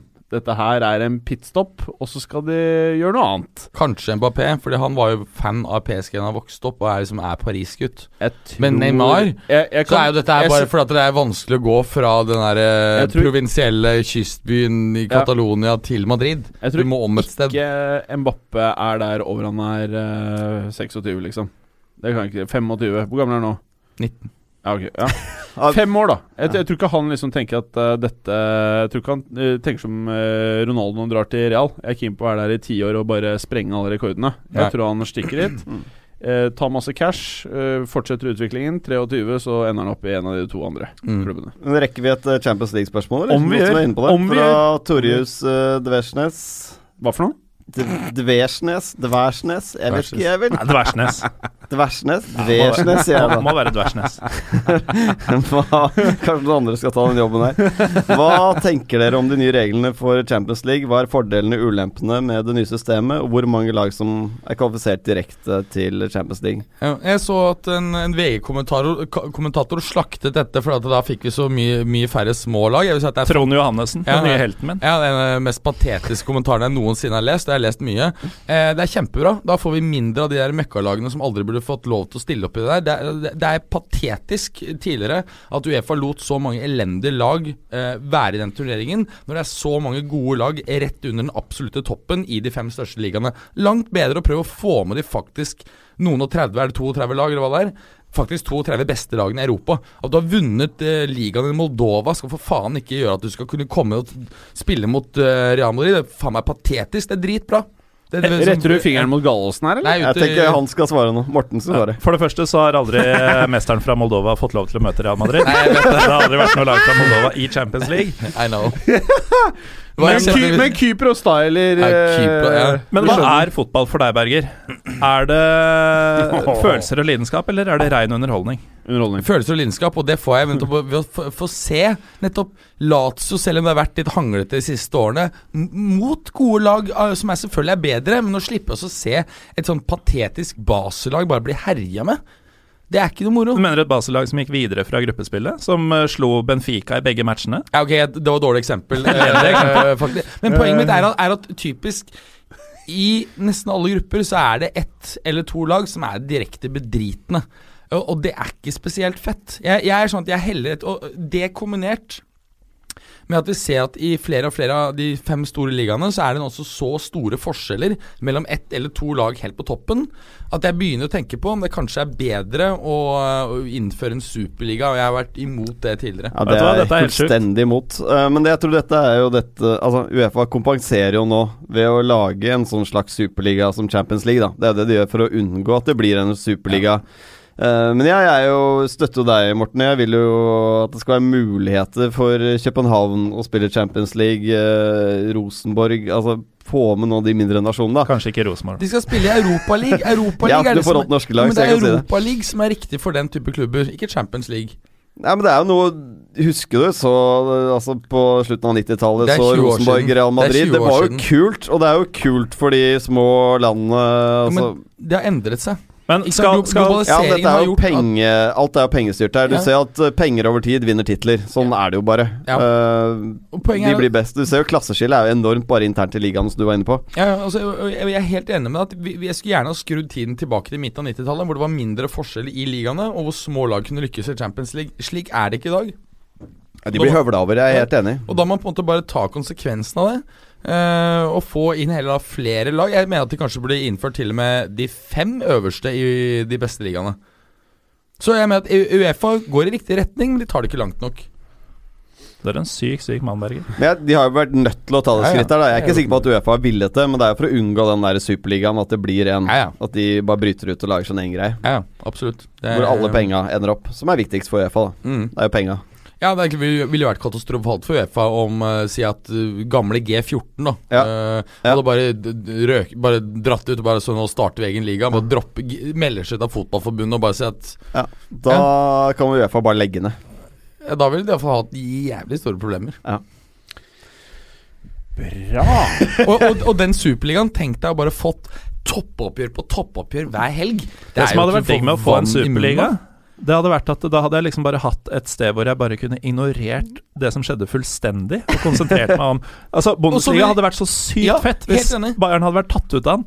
Samme med Liga hvis PSG hadde vært tatt ut. Serie A også. Ja, Nå veit jeg ikke om det hadde hjulpet om Napoli hadde blitt tatt ut av den, men uh, Nei, nei, nei, men altså hvis du sier at, eh, at um, ja, Der ville jo antagelig Ja, men da altså, kunne sånne som- men, men poenget er at hadde du strippet ut Napoli og Juve, da, som er akkurat best nå, så ville du hatt en dritspennende liga under.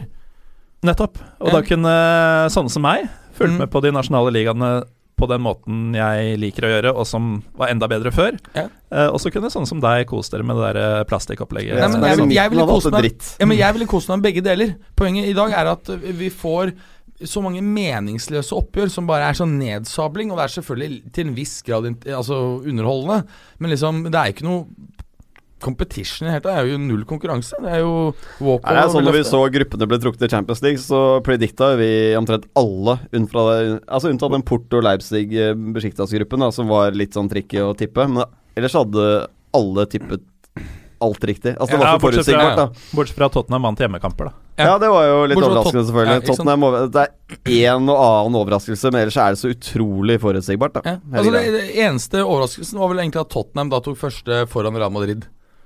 Ja. Vi var vel egentlig ganske trygge på at Dortmund kom til antagelig å få tredjeplassen der. Andre. Andre. Trodde vi at vi vært, skulle ja, jeg var ganske ta Tottenham? at uh, Tottenham skulle ryke der, altså. Okay. ok. Men sånn er det. Men det som er uh, gøy med Champions League, Berge, og det vet jeg at du også synes At uh, ok, kanskje uh, Moldova-eksempelet ditt jeg, jeg kan til dels være litt enig i det at jeg hadde aldri sett det et sånn Moldova-lag mot Basel. Det, det hadde, hvis Real Milan hadde gått på andre kanalen, det hadde aldri skjedd for min del. Det må jeg ærlig på å si. Men hvis det er dritfett å se Porto, Sporting, Benfica mot uh, andre topplag Jeg synes det er dritfett å se Olympiakal. Olympiakos. Eh, Olympiako. Eh, så det er dritfett å se de franske lagene. Eh, men så er det liksom sånn Hvis København har en bra sesong, da Og jeg tenker sånn at, eh, at hvis, hvis de drar dit og jeg føler at de har mulighet til å ta noen poeng, at de kan lage noe føss, så syns jeg det er bra at vi bevarer det. Men hvis fotballen kommer eh, til et sånt punkt hvor det blir sånn at vi kommer til å se resultater som 6-0, 7-0-type ting, så tror jeg ikke det er gøy for noen. Og da, og da føler jeg svaret blir gitt av seg selv, men jeg føler fortsatt ikke at vi er der. Og da syns jeg egentlig at systemet slik det er nå, egentlig kunne fortsatt frem til man da hadde vært i en situasjon hvor forskjellene blir så ekstreme at eh, det ikke er noe poeng å se halvparten av kampene på en måte i gruppespillet. Mm. Det hadde jeg vært enig i. Selv om det laget jeg da Jeg vil ikke si hvilket lag jeg er supporter av, men eh, det laget eh, Om de hadde vunnet 10-0 over Basel Jeg hadde sittet og digga det, liksom. Det er liksom. ikke lenge siden de Ja. vant 8-0 over Malmö. Ikke sant? Eh, vi må er videre til eh, Premier. League. Vi har sykt dårlig Nei. tid, eh, folkens. Eh, Man City-Chelsea-prøven. Ja, det er match til helgen. Nå spiller jo City nå i, i kveld, og ser ut som at det går rimelig Det er grei skurring bort mot Arsenal der. Så de bruker vel kanskje ikke altfor mye krefter, men jeg tror vi kan forvente oss når City tar mot Chelsea, at det blir ganske likt bilde som egentlig da Chelsea møtte Barca. Altså at det er City kommer til å styre matchen. Um, Pep har jo sine prinsipper, og de viker han ikke fra. Han vil ha ball, han vil kontrollere. Ha ballen så mye som mulig. Det er en for forsvarsmekanisme han også har. Så lenge man har ballen, så slipper man ikke inn. Um, jeg tror Morata havner på benken. Jeg tror Conte kommer til å kjøre akkurat som, som mot Barca, og satse egentlig på å ligge kompakt lavt. Eller ha da Pedro William og Eden Hazar eh, i en angrepsrekke som rett og slett skal kontre inn noen mål. Eh, og Så får man bare se hvor lenge det holder, og om de klarer å bare holde unna for dette presset og, og få den skåringen på en kontring. Men eh, det er vanskelig å bette mot eh, City om dagen, altså. Det er eh, Det er fryktelig vanskelig å se for seg at uh, Chelsea vinner, i hvert fall. De kan gjøre det, selvfølgelig, men Jo, City er jo kjempefavoritt. Jo mer Uansett jeg hvem de ser eh, av Chelsea, jo mer føler jeg det derre såre trange etter eh, Diego Costa. Ja, altså, jeg, jeg tror faktisk, på tross at uh, vi har sagt hele veien nå, alle selvfølgelig er enige om at uh, stallen er for tynn, og at de kjøper mye ræl, drinkwater-type kjøp, da. Med Diego Costa så tror jeg faen meg de hadde klart uh, å gjøre et sånn type oppgjør til en diskusjon, da. Det er jeg enig i. Det har blitt en helt annen greie. mm. Blitt helt annen temperatur. Det er litt for mange snille gutter i Chelsea om dagen, Mm. føler jeg. Det er få sånne ordentlige badasser. Jeg føler badasser. sakte, men sikkert at Chelsea er i ferd med å bli Arsenal. Det. Ja, men det er altså, tidlig å si, syns jeg. altså. Jeg, jeg, jeg, jeg skjønner hva du mener. Det er faktisk interessant å så se bare på noen få sesonger at eh, Chelsea ikke er der oppe og konkurrerer om de beste spillerne. De er mindre ambisiøse. er. Og det virker som de prøver egentlig å skape en sånn eh, en, en, en business som går rundt, og en sånn topp fire-mål. Så jeg er helt enig med deg. Så, så for meg så er det Jeg tror, jeg tror det blir langt om lenge til at Chelsea kjemper om de nye hasardene. Ja, det tror jeg også. Og jeg tror det er lenge til de vinner Champions League. Eh, og jeg tror det også kan faktisk bli en stund til de vinner eh, ligaen igjen. Marata ser ut som en flopp, altså. Ja, altså, altså jeg, jeg, jeg, Nei, men så mye penger. Hadde han kostet uh, 15-20 millioner pund, mm. helt greit kjøp. Men når du snakker det 75, jeg husker Ja. ikke helt, det, og- du, du skal ha mer retur for de pengene. ja, jeg, jeg husker jo han fra Juve. Han spilte jo ikke fast. Han var ganske dårlig i serien. Han var ganske god i en del Champions League-kamper. Og det var ikke som om Juve hadde de heftigste spissene der, da. Han var jo en rotasjonsspiller også, eh, også da. Ja, nesten glemt å få oppdatering fra Morata-mannen. Ja. Han var på banen igjen.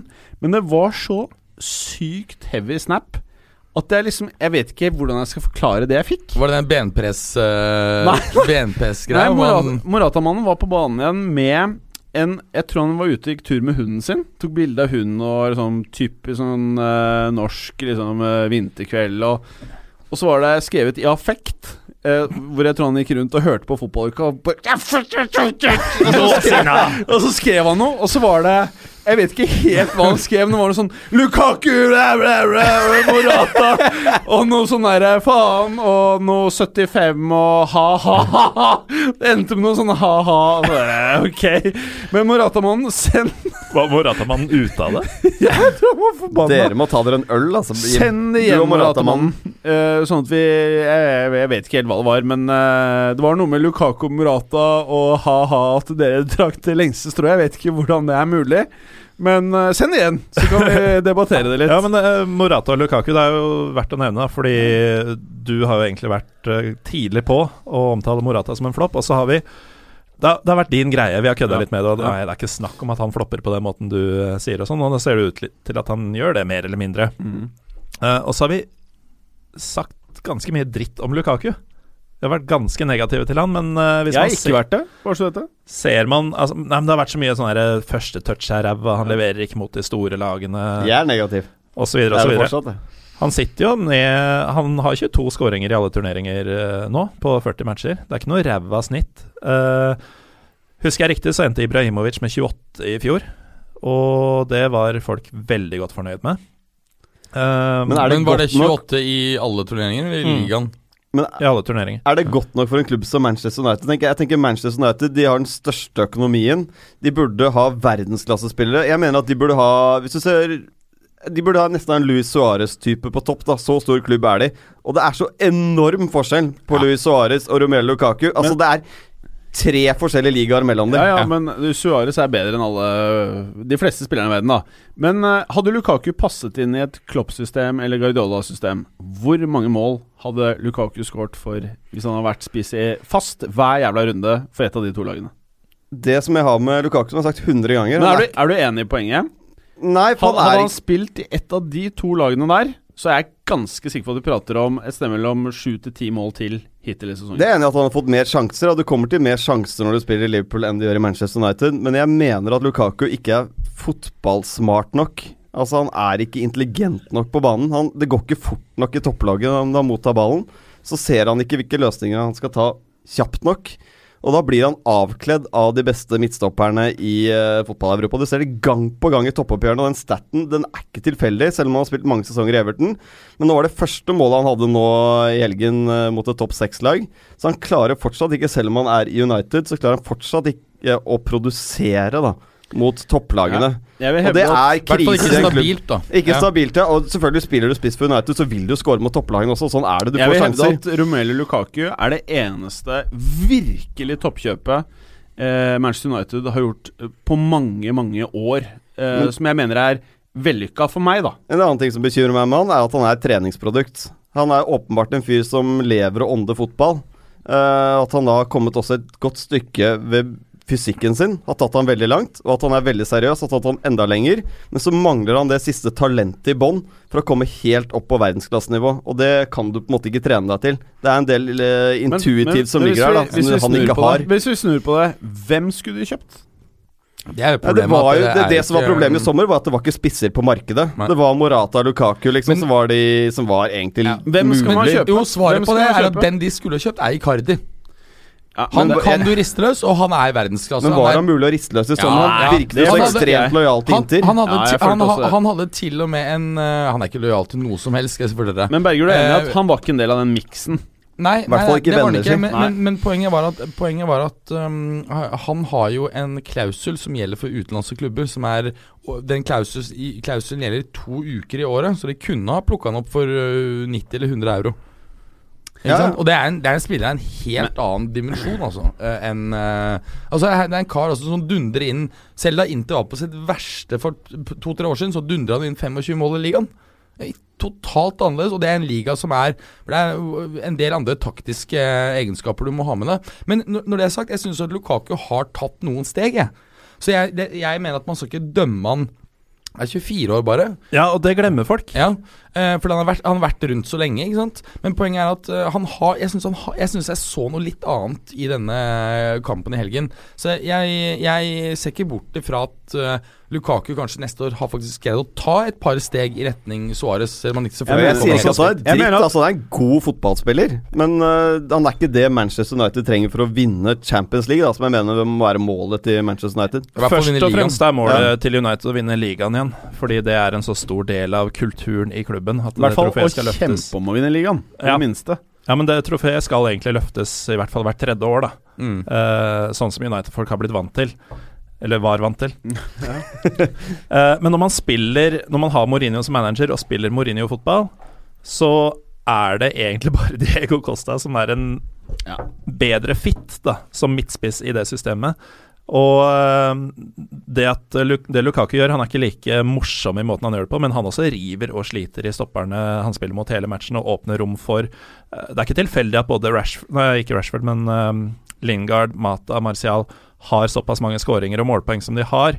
eh, samtidig som tallene til Lukaku kanskje er uteblitt. Mm. Han skaper mye rom, han skaper eh, mye såre Mot motspillere. Eh, og han er også nest sist Mange deler av kroppen. han er nest sist på en del skåringer. Han har seks assists i ligaen. Eh, 19 målpoeng totalt der på 27 kamper.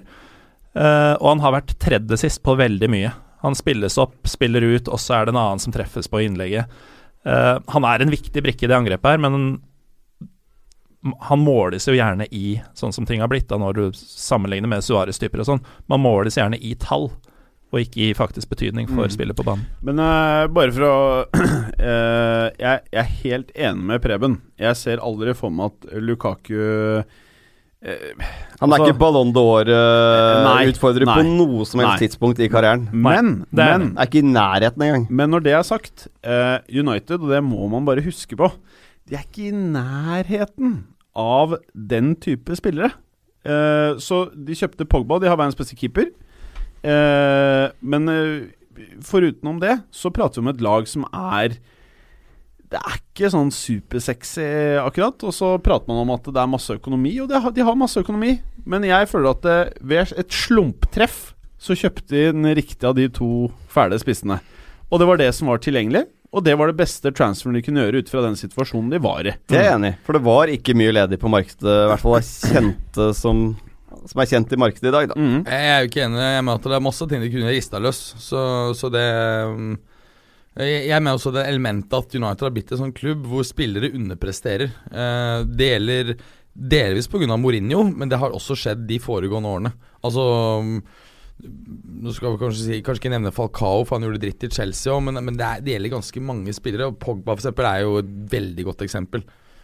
Men, men eh, eh, som United-supportere Nå eh, har vi en liten sånn digresjon, men den er egentlig litt kul. da Eh, Hvis DG stikker til sommeren, og Pogba Mourinho, og Mourinho fortsetter, eh, og det forholdet ikke blir noe bedre, og det kan fort være det ikke blir For det var den erfaringen man har fått fra alle andre klubber Ja. Mourinho har vært i. når Mourinho har fått en konflikt med en spiller, Ja. så har det aldri endt med noe annet enn totalt brudd mellom de to. Ja, Ikke én gang har det uh, ordnet seg. og stort sett tragedier, og at det koster klubben spenn, og at agentene syns det er en veldig fin løsning, selvfølgelig. Ja, Eh, Raiola eh, ringer, ringer rundt som bare faen. Telefonen hans går jo varm, og det er ikke innkommende andre, andre, Ja, mange klubber med sånn. nye faksmaskiner, Ja, ja, ja, ja. og ting er rigga. Eh, men hvis DG har stikker, da prater man om en klubb Uh, Uten verdensklassespillere, som likevel tjener mest. Ja, og da, da begynner du å prate om at eh, Lukaku er by far den viktigste spilleren på det laget. Det kan godt være Bailly blir bedre, og at eh, Pogba får litt mer spilletid og ting blir greit, men eh, det er Jeg vil si at eh, det er litt sånn halvkrise i United. Så kan det godt være, nå sitter vi her og er hovne, kan det være at Alexis Sanchez plutselig blir den han kan være til neste år. Det er umulig å vite, men eh, det er krise eh, med tanke på det utgangspunktet den klubben faktisk har, da. Ja, ja. Det er krise, det å ha en eh, Alexis Sanchez eh, som er eh, snart 30 år på en 5 millioner i uka i ukalønn. Fram til som, han er 40. Som ikke, som ikke presterer selv, og som også faktisk greier å bidra til at andre ikke presterer. Altså Det der begynner å se ut som faktisk Arsenal gikk eh, seirende ut. Det er- det er ja, ja, helt sjukt, ja, er faktisk. gæren, du? Må igjen minne om at de lå under 3-0 til pause mot Ja da. Ja, City på men, men, hjemmebane. men sånn- apropos, jeg, men, men, jeg mener jo at uh, problemet til United er Mourinho. Han er en disaster for enhver klubb, uh, og jeg tror at um, han passer nå etter hvert bedre i et provinsielt lag i Italia. Men bare for å summere før vi går videre her. Eh, føles det som en sånn hamskifte i topp seks i, Premier League nå? Liverpool, Tottenham, City, som er den eh, treeren man har mest tro på. At Chelsea, United, Arsenal Det har litt med kontinuitet å gjøre, spør du meg. Altså, United henter inn mye spillere, føler jeg, nesten hver eneste sesong. Altså, mens det er veldig kontinuitet nå, syns jeg, i Liverpool, når det gjelder spillestil, eh, hvilke spillertyper de kjøper som passer den stilen de skal spille. Samme gjør Tottenham, eh, ikke minst eh, City. Eh, Pep vet akkurat hvilke spillertyper han skal ha. Nesten rose det Sané-kjøpet, nesten mer enn vi noen Ja. gang har gjort. Mm. Altså, for det, mm, det var ikke mange som så den komme, når du har så mye penger til rådighet og splæsjer mye var det, 36 mil, 37 mil pund eller noe. Grisebillig, vet du, når du ser etter det. Ja, men det var jo sånn Det er jævlig mye penger, tenkte jeg, da, for en kar som Ja, ja. jeg egentlig aldri har spilt fotball før. Uh, Jeg trodde men, også det Stirling-kjøpet kom til å bli noe vi kunne sitte Ja, ja. og kose oss med, men, Ja. eh, Men igjen, det er Min kjepphest med spillekjøp, da ikke, altså, De må ikke tenke så mye nå når det gjelder å splæsje penger. Det gjelder å finne rette spillertyper som passer det systemet vi skal spille. Vi ser jo De lagene som gjør det, det er jo de som lykkes nå. Og um, De som har kontinuitet i det. da og Derfor tror jeg sånn som Chelsea og sånn har noen gode årganger, og så slipper de litt tilbake igjen. Uh, fordi det er litt sånn Det kommer inn ny trener annethvert år. Uh, helt nytt, og så blir det bra, og så blir det dårlig igjen. Men jeg føler at Chelsea har endra seg. Jeg Ja, det er enig i i forhold til innkjøpspolitikken. Og, Ja, jeg føler at ja, ja. det, de, de, drar inn nå, det er uh, Southampton-nivå, altså. Jeg, jeg er helt enig. Jeg tror også at eh, Chelsea står i fare for å, å på en måte falle utenfor den sikre topp fire-plassen. Altså, nå skal vi over til det etterpå, her, men jeg tror faktisk Chelsea ikke får Champions League. Eh. Det kan godt for- være. Det kan godt være. eh, Dere hørte sikkert begge forrige fotballuka hvor jeg nevnte dette her. Men ja, Gallosen. Nei, men altså, igjen da, litt sånn tilbake til at man har skrytt så mye av Marseille og Lyon og snakka dritt om Monaco, som faktisk er nummer to i ligaen. Samme er jo tilfellet i England. United er nummer to i ligaen. Mm. United er det laget som er nærmest City. Helt, helt klart. Uh, Og og, det og, og, og det har det vært hele sesongen. Det er ikke sånn at de har kravla seg opp dit med seieren over Chelsea. De har ligget liksom som det nærmeste siden vi starta i august. Uh, så det er ikke United er jo ikke noen krise. Absolutt ikke. Og, og, Og jeg tror ikke de kommer til å falle og når vi utenfor da topp fire. Nei, ikke sant. Det er ikke snakk om. Eh, og når vi da snakker om ja, man har mer trua på Liverpool og Tottenham i det lange løp Ikke i det lange løp, så har jeg mer tro på United, men i ja, men korte løp Vi snakker om klubber på som vet hva de Som har en plan på overgangsmarkedet og vet hvilken stil de har og sånn. Dette er jo også klubber som kommer til å skifte manager på et tidspunkt. Helt klart. Den, den tida er over hvor folk satt i 20 år, eller 10 år for den saks skyld. Wenger er siste instansen der. Mm. Når han ryker, så kommer Arsenal også til å bytte sånn annethvert tredje år, som alle andre gjør. Uh, så det Men vil si var det at så veldig vanlig før, da? Er det ikke egentlig bare um, Det var nettopp- ikke vanlig. Nei, så er det ikke eh, nettopp bare på, Det har aldri vært vanlig med at vi bare har hatt en situasjon hvor to uh, av de største klubbene i England nettopp har hatt to veldig lange runs med samme manager. Jo, men det forekom litt sånn her og der, da. I Norge også kunne du ha samme trener i et lag i sju år. Ja, ja. Um, Og Auxerre hadde jo den samme trener i 44 år, tror jeg. For en del år tilbake. Ja, ja. Uh, Det er Dario sjukt. Grady satt vel i 30 år eller noe sånt i Crew. Ikke at det var en toppklubb, men, uh, ja, ikke sant. Så, så, ja, men, uh, men Men du kunne bygge en sånn enorm kontinuitet i klubber. Det var mulig å gjøre før i tiden. uavhengig av om det var Premier League eller Tippeligaen eller League One, da. som da sikkert het Division 2 eller noe sånt. Det går ikke lenger. Uh, og følgelig så er det jo det at uh, I England så føler jeg ikke at det sportsdirektørgreiene som de har spesielt i Italia, delvis i Spania, hvor du har en klar filosofi om hvordan klubben alltid skal være, uh, den har ikke kommet så langt i England. Det er mye mer kortsiktige løsninger, og da får du den at uh, når Klopp en dag forlater Liverpool, så sitter du igjen med en perfekt Klopp-tropp, og så kommer- Allegri inn. Og, og det er ikke noe problem isolert sett, men du må bygge en helt ny tropp pga. at du skal spille Ja, Allegri-fotball.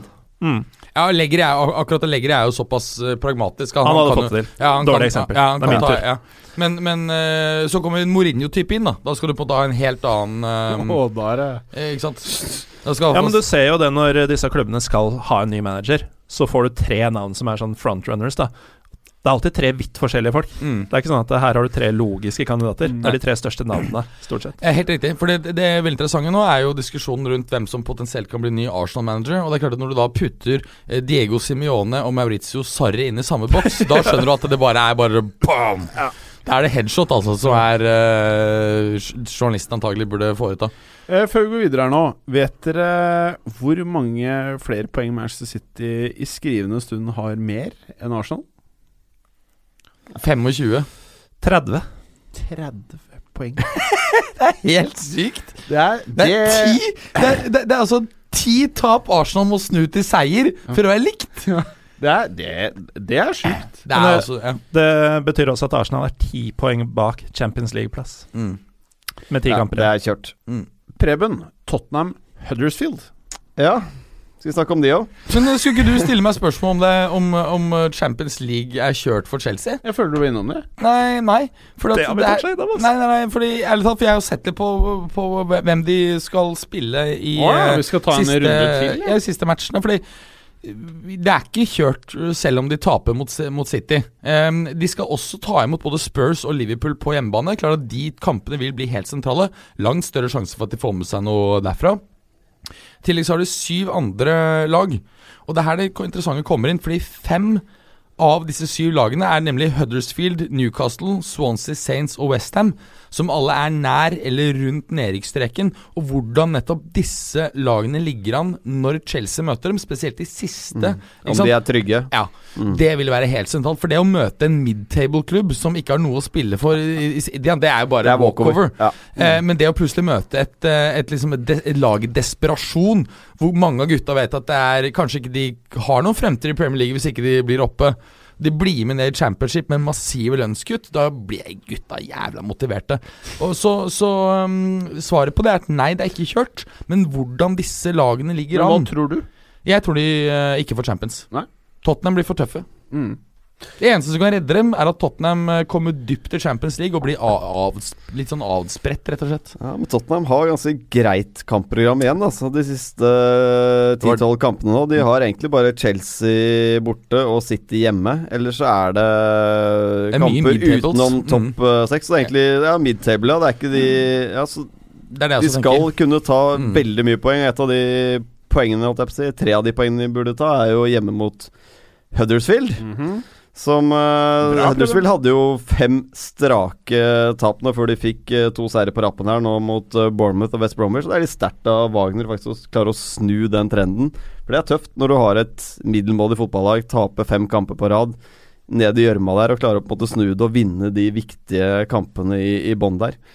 Um, men det er bare tre poeng ned til nedrykk, og mm, jeg er veldig usikker på hvordan Wagner kommer til å angripe den matchen her. Um, syns vi har sett med Huddersfield og en del andre lag at når de møter topp seks- topp seks-lagene, så bare legger de seg. Altså De prøver å pakke en rundt 16-meteren, og går ikke det Får de et mål imot i løpet av første kvarteret, så bare gir de opp. Altså Det er ikke noe vilje til å prøve å angripe og bruke mye krefter. De sparer heller og prøver å vinne de interne matchene i, i bånn der. Så, så det blir spennende. Så det blir en tålmodighetsprøve for Tottenham, dette her. De kommer til å ha 70% av ballen i den kampen her. Burde være en uh, grei eh, grei hjemmeseier. Det er jo sånn alltid, egentlig når topp seks møter noen utenfor topp seks, så er de jo storfavoritter.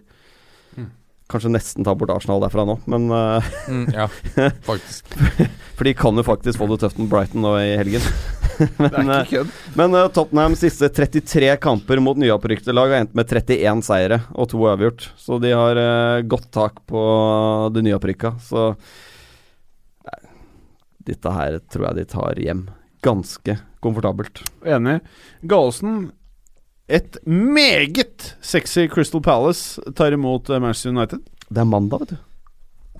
Det er mandag. Det er kveld. Det er flomlys på Sellers. Det blir kul match. Ah, fy Det blir faen. Det er bare mussy, det der. Ja, vi får se, da. Uh, Wilfred Saha spiller jo 95% sikkert ikke. Oi! 1-1 mellom Las Palmas og Barcelona. Wow. Og uh, Aubameyang har bomma på straffe. Ja, sorry. Nei, og uten Saha så har eh, Palace tapt de åtte ligamatchene de har prøvd. Eh, de har ikke prøvd å tape dem, men de har spilt uten Saha og følgelig tapt dem eh, denne sesongen med imponerende 1-18 i målforskjell. Eh, de har heller ikke slått United i Premier League siden før Premier League ble innført. Altså, de har aldri slått United i Premier League eh, på 17 forsøk. Fått med seg tre uavgjorte, det er det. 14 tap. Uh, da de vant mot United, det var i 1991. Da spilte Ian Wright for eh, Crystal Palace og scora. Det var altså før Ian Wright gikk til Arsenal og tilbrakte 100 år der. Det er så lenge siden. høres mørkt ut, Morten. Det er så lenge siden. Uh, og så har de jo Alexander Sørloth, som i praksis er å kaste bort en plass uh, i stedet for å bruke en fotballspiller. Fy Så faen, det var jo noen irriterende greier. Hva faen var det de drev med? Jeg, jeg, jeg, jeg blei så sur. Det er helt vilt. Ja, det er Altså, symbolet er på alt som er nå feil med moderne fotball. Mot Tottenham så var han mye bedre enn Benteke. Da faktisk Sørloth gjorde en ganske god kamp ut fra Skal ikke så mye til akkurat nå. Nei, bare- det var ikke det som skulle si liksom. Nei, nei. Du har en fyr som gjerne vil prøve å vise at han duger, mot en fyr som gir litt faen. Ja. Ja. Det er riktig. Da viser, ser han antagelig litt bedre ut. Ja. Men eh, jeg tror eh, Altså, jeg ser ikke for meg at et Mourinho-leda United valser over Palace og vinner 4-0 i London, men eh, jeg tenker at dette er en kamp de vinner, og jeg tipper det blir en litt sånn det blir bra ramme rundt, som Preben har blitt veldig opptatt av etter turen til Bilbao. Jeg håper det regner, jeg håper det regner eller snør. Det blir bra ramme rundt, og så tror jeg at det blir litt sånn derre Litt sånn tung fotballmatch. Sånn klassisk engelsk fotballkamp, hvor United vinner 1-0 med gjerne en en scoring etter noen og 30 minutter og en sånn seint i andre omgang. At det er en viss spenning, men aldri faktisk konkurranse. Men uh, apropos Benteke, uh, skal han bare dra til Kina snart, eller? Er det bare å gjøre det? Jeg må innrømme at jeg trodde han var der allerede. Han er uh, Altså- Kina-bound, ass. De burde prøve å få solgt han til Guangzhou Evergrande, og så kan de hente Haxon Martinez eh, gratis. for det, for det, det kan ikke bli så mye dårligere. Vi snakket jo om før sesongen at det er en perfekt overgang for eh, Benteke. Altså De har en spillestil Ja. med to vinger som legger inn. Det burde jo passe han perfekt. Men Selv ikke, det nei. funker. Da er det bare lost. Det Altså. er, eh, det er ikke håp. Men hva skjedde med mannen, da? Men hvorfor skal han ikke til Hebei Fortune?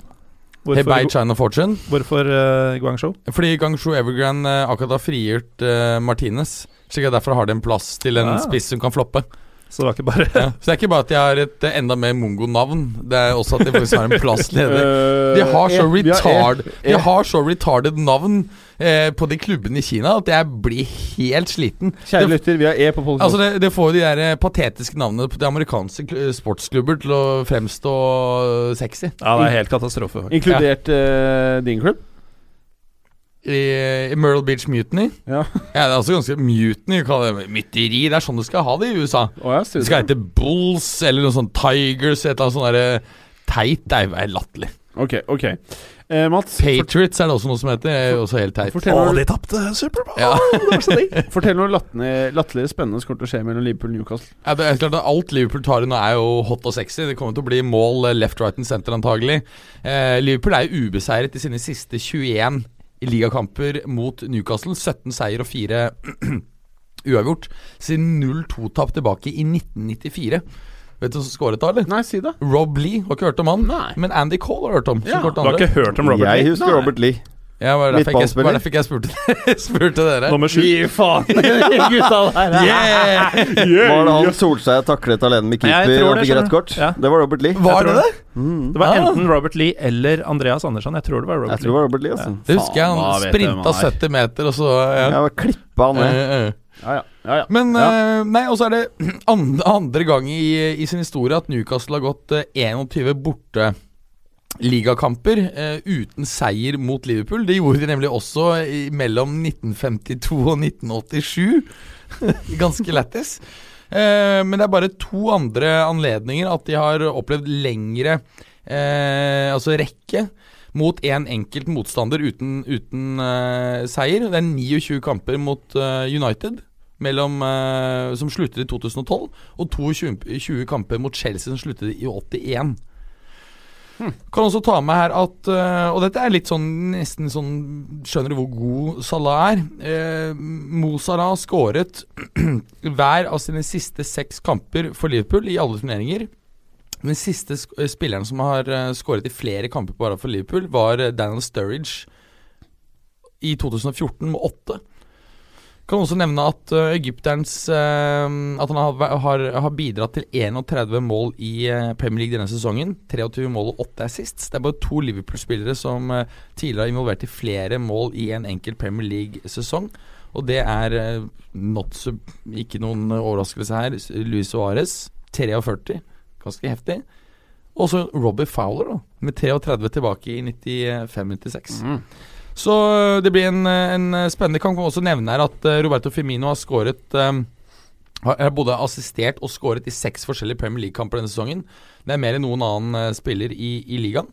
Uh, og det er faktisk uh, i, i historisk sammenheng også et veldig høyt tall. Uh, bare noen få spillere har greid med Altså greid mer, med syv kamper. Med både mål assist. Det er Alan Shearer tilbake i 94-95. Thierry Henry i 2000-2003, over Vinley-sesongen. Og Robin van Persie i 2011-12. Det var vel United-sesongen hans hvor han herja, var det ikke det? Ja, det var det. Men, men Kan ikke eh. Veldig bra, Berger. Mm. Eh, men jeg vet hva du mener om Firmino. Du er stor, stor fan. Jeg er dritfan. Men hva mener du, Preben, om Roberto Firmino? Ja, hva mener jeg om han? Um, uavklart forhold til Roberto Firmino, rett og slett. Ja. Fungerer godt i Liverpool. Jeg er veldig usikker på om han har fungert eh, like godt i en annen spillestil. Hadde plassert han som spiss i Manchester United. Ja, Eh, jeg tror ikke vi hadde fått se det beste av Firmino der. Jeg, altså Den kloppstilen tror jeg passer han helt eh, utmerket, rett og slett. tror han kunne funket jævlig bra i Real Madrid også, hvor en viktig rolle for spissen er å skape rom for vingene. Så jeg tror han ville vært en fantastisk øh, Ja. kjøp for Real Madrid, god, jeg- og, og istedenfor Benzema, som var så god som Roberto Firmino er nå. Men fortsatt et lite stykke opp til verdensklasse, tenker jeg på spiss. Han er en litt annen type spiss. Han er, man, jeg tror det er feil å sammenligne han på en måte med Luis Suárez, Lewandowski og disse typer Ja. spillerne. Han er jo egentlig ikke spiss. Han er en sånn falsk, er falsk, han, han er- Ja. Ja, like mye spiss som Griezmann er. Mm. Altså mer igjen av den derre tyske angrepsspillerrekka som de har spydd ut stjerner uh, i den posisjonen i ti år nå. Mm. Eh, sånn ubestemmelig type forward som i Liverpool fungerer i en spissrolle, men som egentlig ikke er det naturlig. Ja. Hva Også, du også litt du om Firmino? Uh, jeg er enig med Berger i at jeg tror eh, typen Firmino ville passa i den måten Real Madrid spiller på. Eh, men han er jo ikke i nærheten av stor nok, verken i navn eller i produksjon, til Mm. at det noensinne vil bli aktuelt, tror jeg. Eh, men det er ikke noen dum tanke. Det er bare en tanke Florentino Perez ville slått Berger i trynet av å i det hele tatt tenke. Men, men syns du at eh, Eller liker du han som spiller? Syns du han er god? Han er god. Ja. Han er veldig god. Hvor god? Fryktelig god. Men- Ekstremt god. Nei, verdensklasse. Den, I den, Nei, jeg- I den rollen, i den typen, de oppgavene han gjør. Det er ikke mange spillere som gjør den jobben. Der har du en som har fotballhjerne, da. Definitivt. Ja. Eh, hadde, hadde du putta hodet hans inn i Lukaku, Ja, da hadde du hatt en verdensklassespiller. Helt Ja. riktig. For han har jo ikke de fysiske forutsetningene som en del andre kanskje har. Eh, Har jo ikke den ekstreme farten, selv om han er rask nok. Han er teknisk nok og alt sammen. Han er ekstremt intelligent på banen. Mm. Det kommer langt med det. Men det er en fyr som har spilt uh, toppfotball i to klubber som ikke er best, i to av de beste ligaene. Og han har levert meget høyt i begge klubbene. Det vitner også om en tilpasningsdyktig spiller, som selvfølgelig uh, sammenfaller med at han har en god fotballhjerne. Men uh, det gjør også at jeg tenker at eh, han ville takle en overgang til Spania. Eh, spansk fotball ville han vært veldig god i. Jeg tror han passer Eh, veldig og jeg, jeg tror også han kunne takla mentalt overgangen til en klubb som Real Madrid. Men igjen, det kommer ikke til å være aktuelt fra Madrids side. Jeg syns egentlig den der treeren fremme for eh, Liverpool virker som en sånn til superstjerner å være. Sånn, ganske sånn sympatisk, eh, fin eh, trio. Jeg liker den energien, jeg liker greia deres. Så kan Mané bli litt lei seg og litt sånn, og så trenger de litt sånn Det blir sårt av og til. Men eh, sånn eh, til superstars å jeg liker dynamikken, ja. Jeg er helt enig. ja. Det er gøy å se på. Men hele, hele dynamikken i Liverpool ser jo jævlig bra ut. Det er jo, er jo moro å følge nå. Altså, hvis han er til 75 ikke feiler, så har vi ikke noe å prate om lenger. Eh, jeg, jeg håper det går rett i veggen. Selvfølgelig bare for å det blir gøy. Og jeg, vi, vi, fant deg ikke. Ja, det er det han jeg, tror vi snak, jeg ja. vi snakket om nå jeg tenkte på, Snakker vi nå om Lukaku eller Morata? Nei, nei, nei, nei, nei, Det var den tredje 75-runde. Altså, alt, alt Alle er 75 nå. Alle som er decent, koster mellom 75 og 100. Ja. Eh, noe mer vi skal si før vi takker for oss, begge? Nei. Ha det. Ja, ha det bra. Veldig bra. Eh, Preben? Ha det godt, da. Jeg har en ting. Ah, bra! Eh, det er ingen som har spurt hvorfor jeg var borte i to uker. Eller, eller hva jeg har gjort. Eh, har du vært borte? Eh, jeg tror det. Merket ikke det. Nei. Nei. Ok, hvor, hva er det du har gjort for noe, da? Nei, jeg møtte Georgi Haji. Oi! Det må med. I Sånn, Moldova? Nei, i Romania. Å ja. Så nå har jeg sagt det. Ja, Takk for i så dag. Så bra. Takk for i dag. Takk for at du hadde høre på. Vi er Fotballuka på Twitter, Facebook og Instagram. Følg oss gjerne. Men bare få høre. Den tror jeg blir litt fet.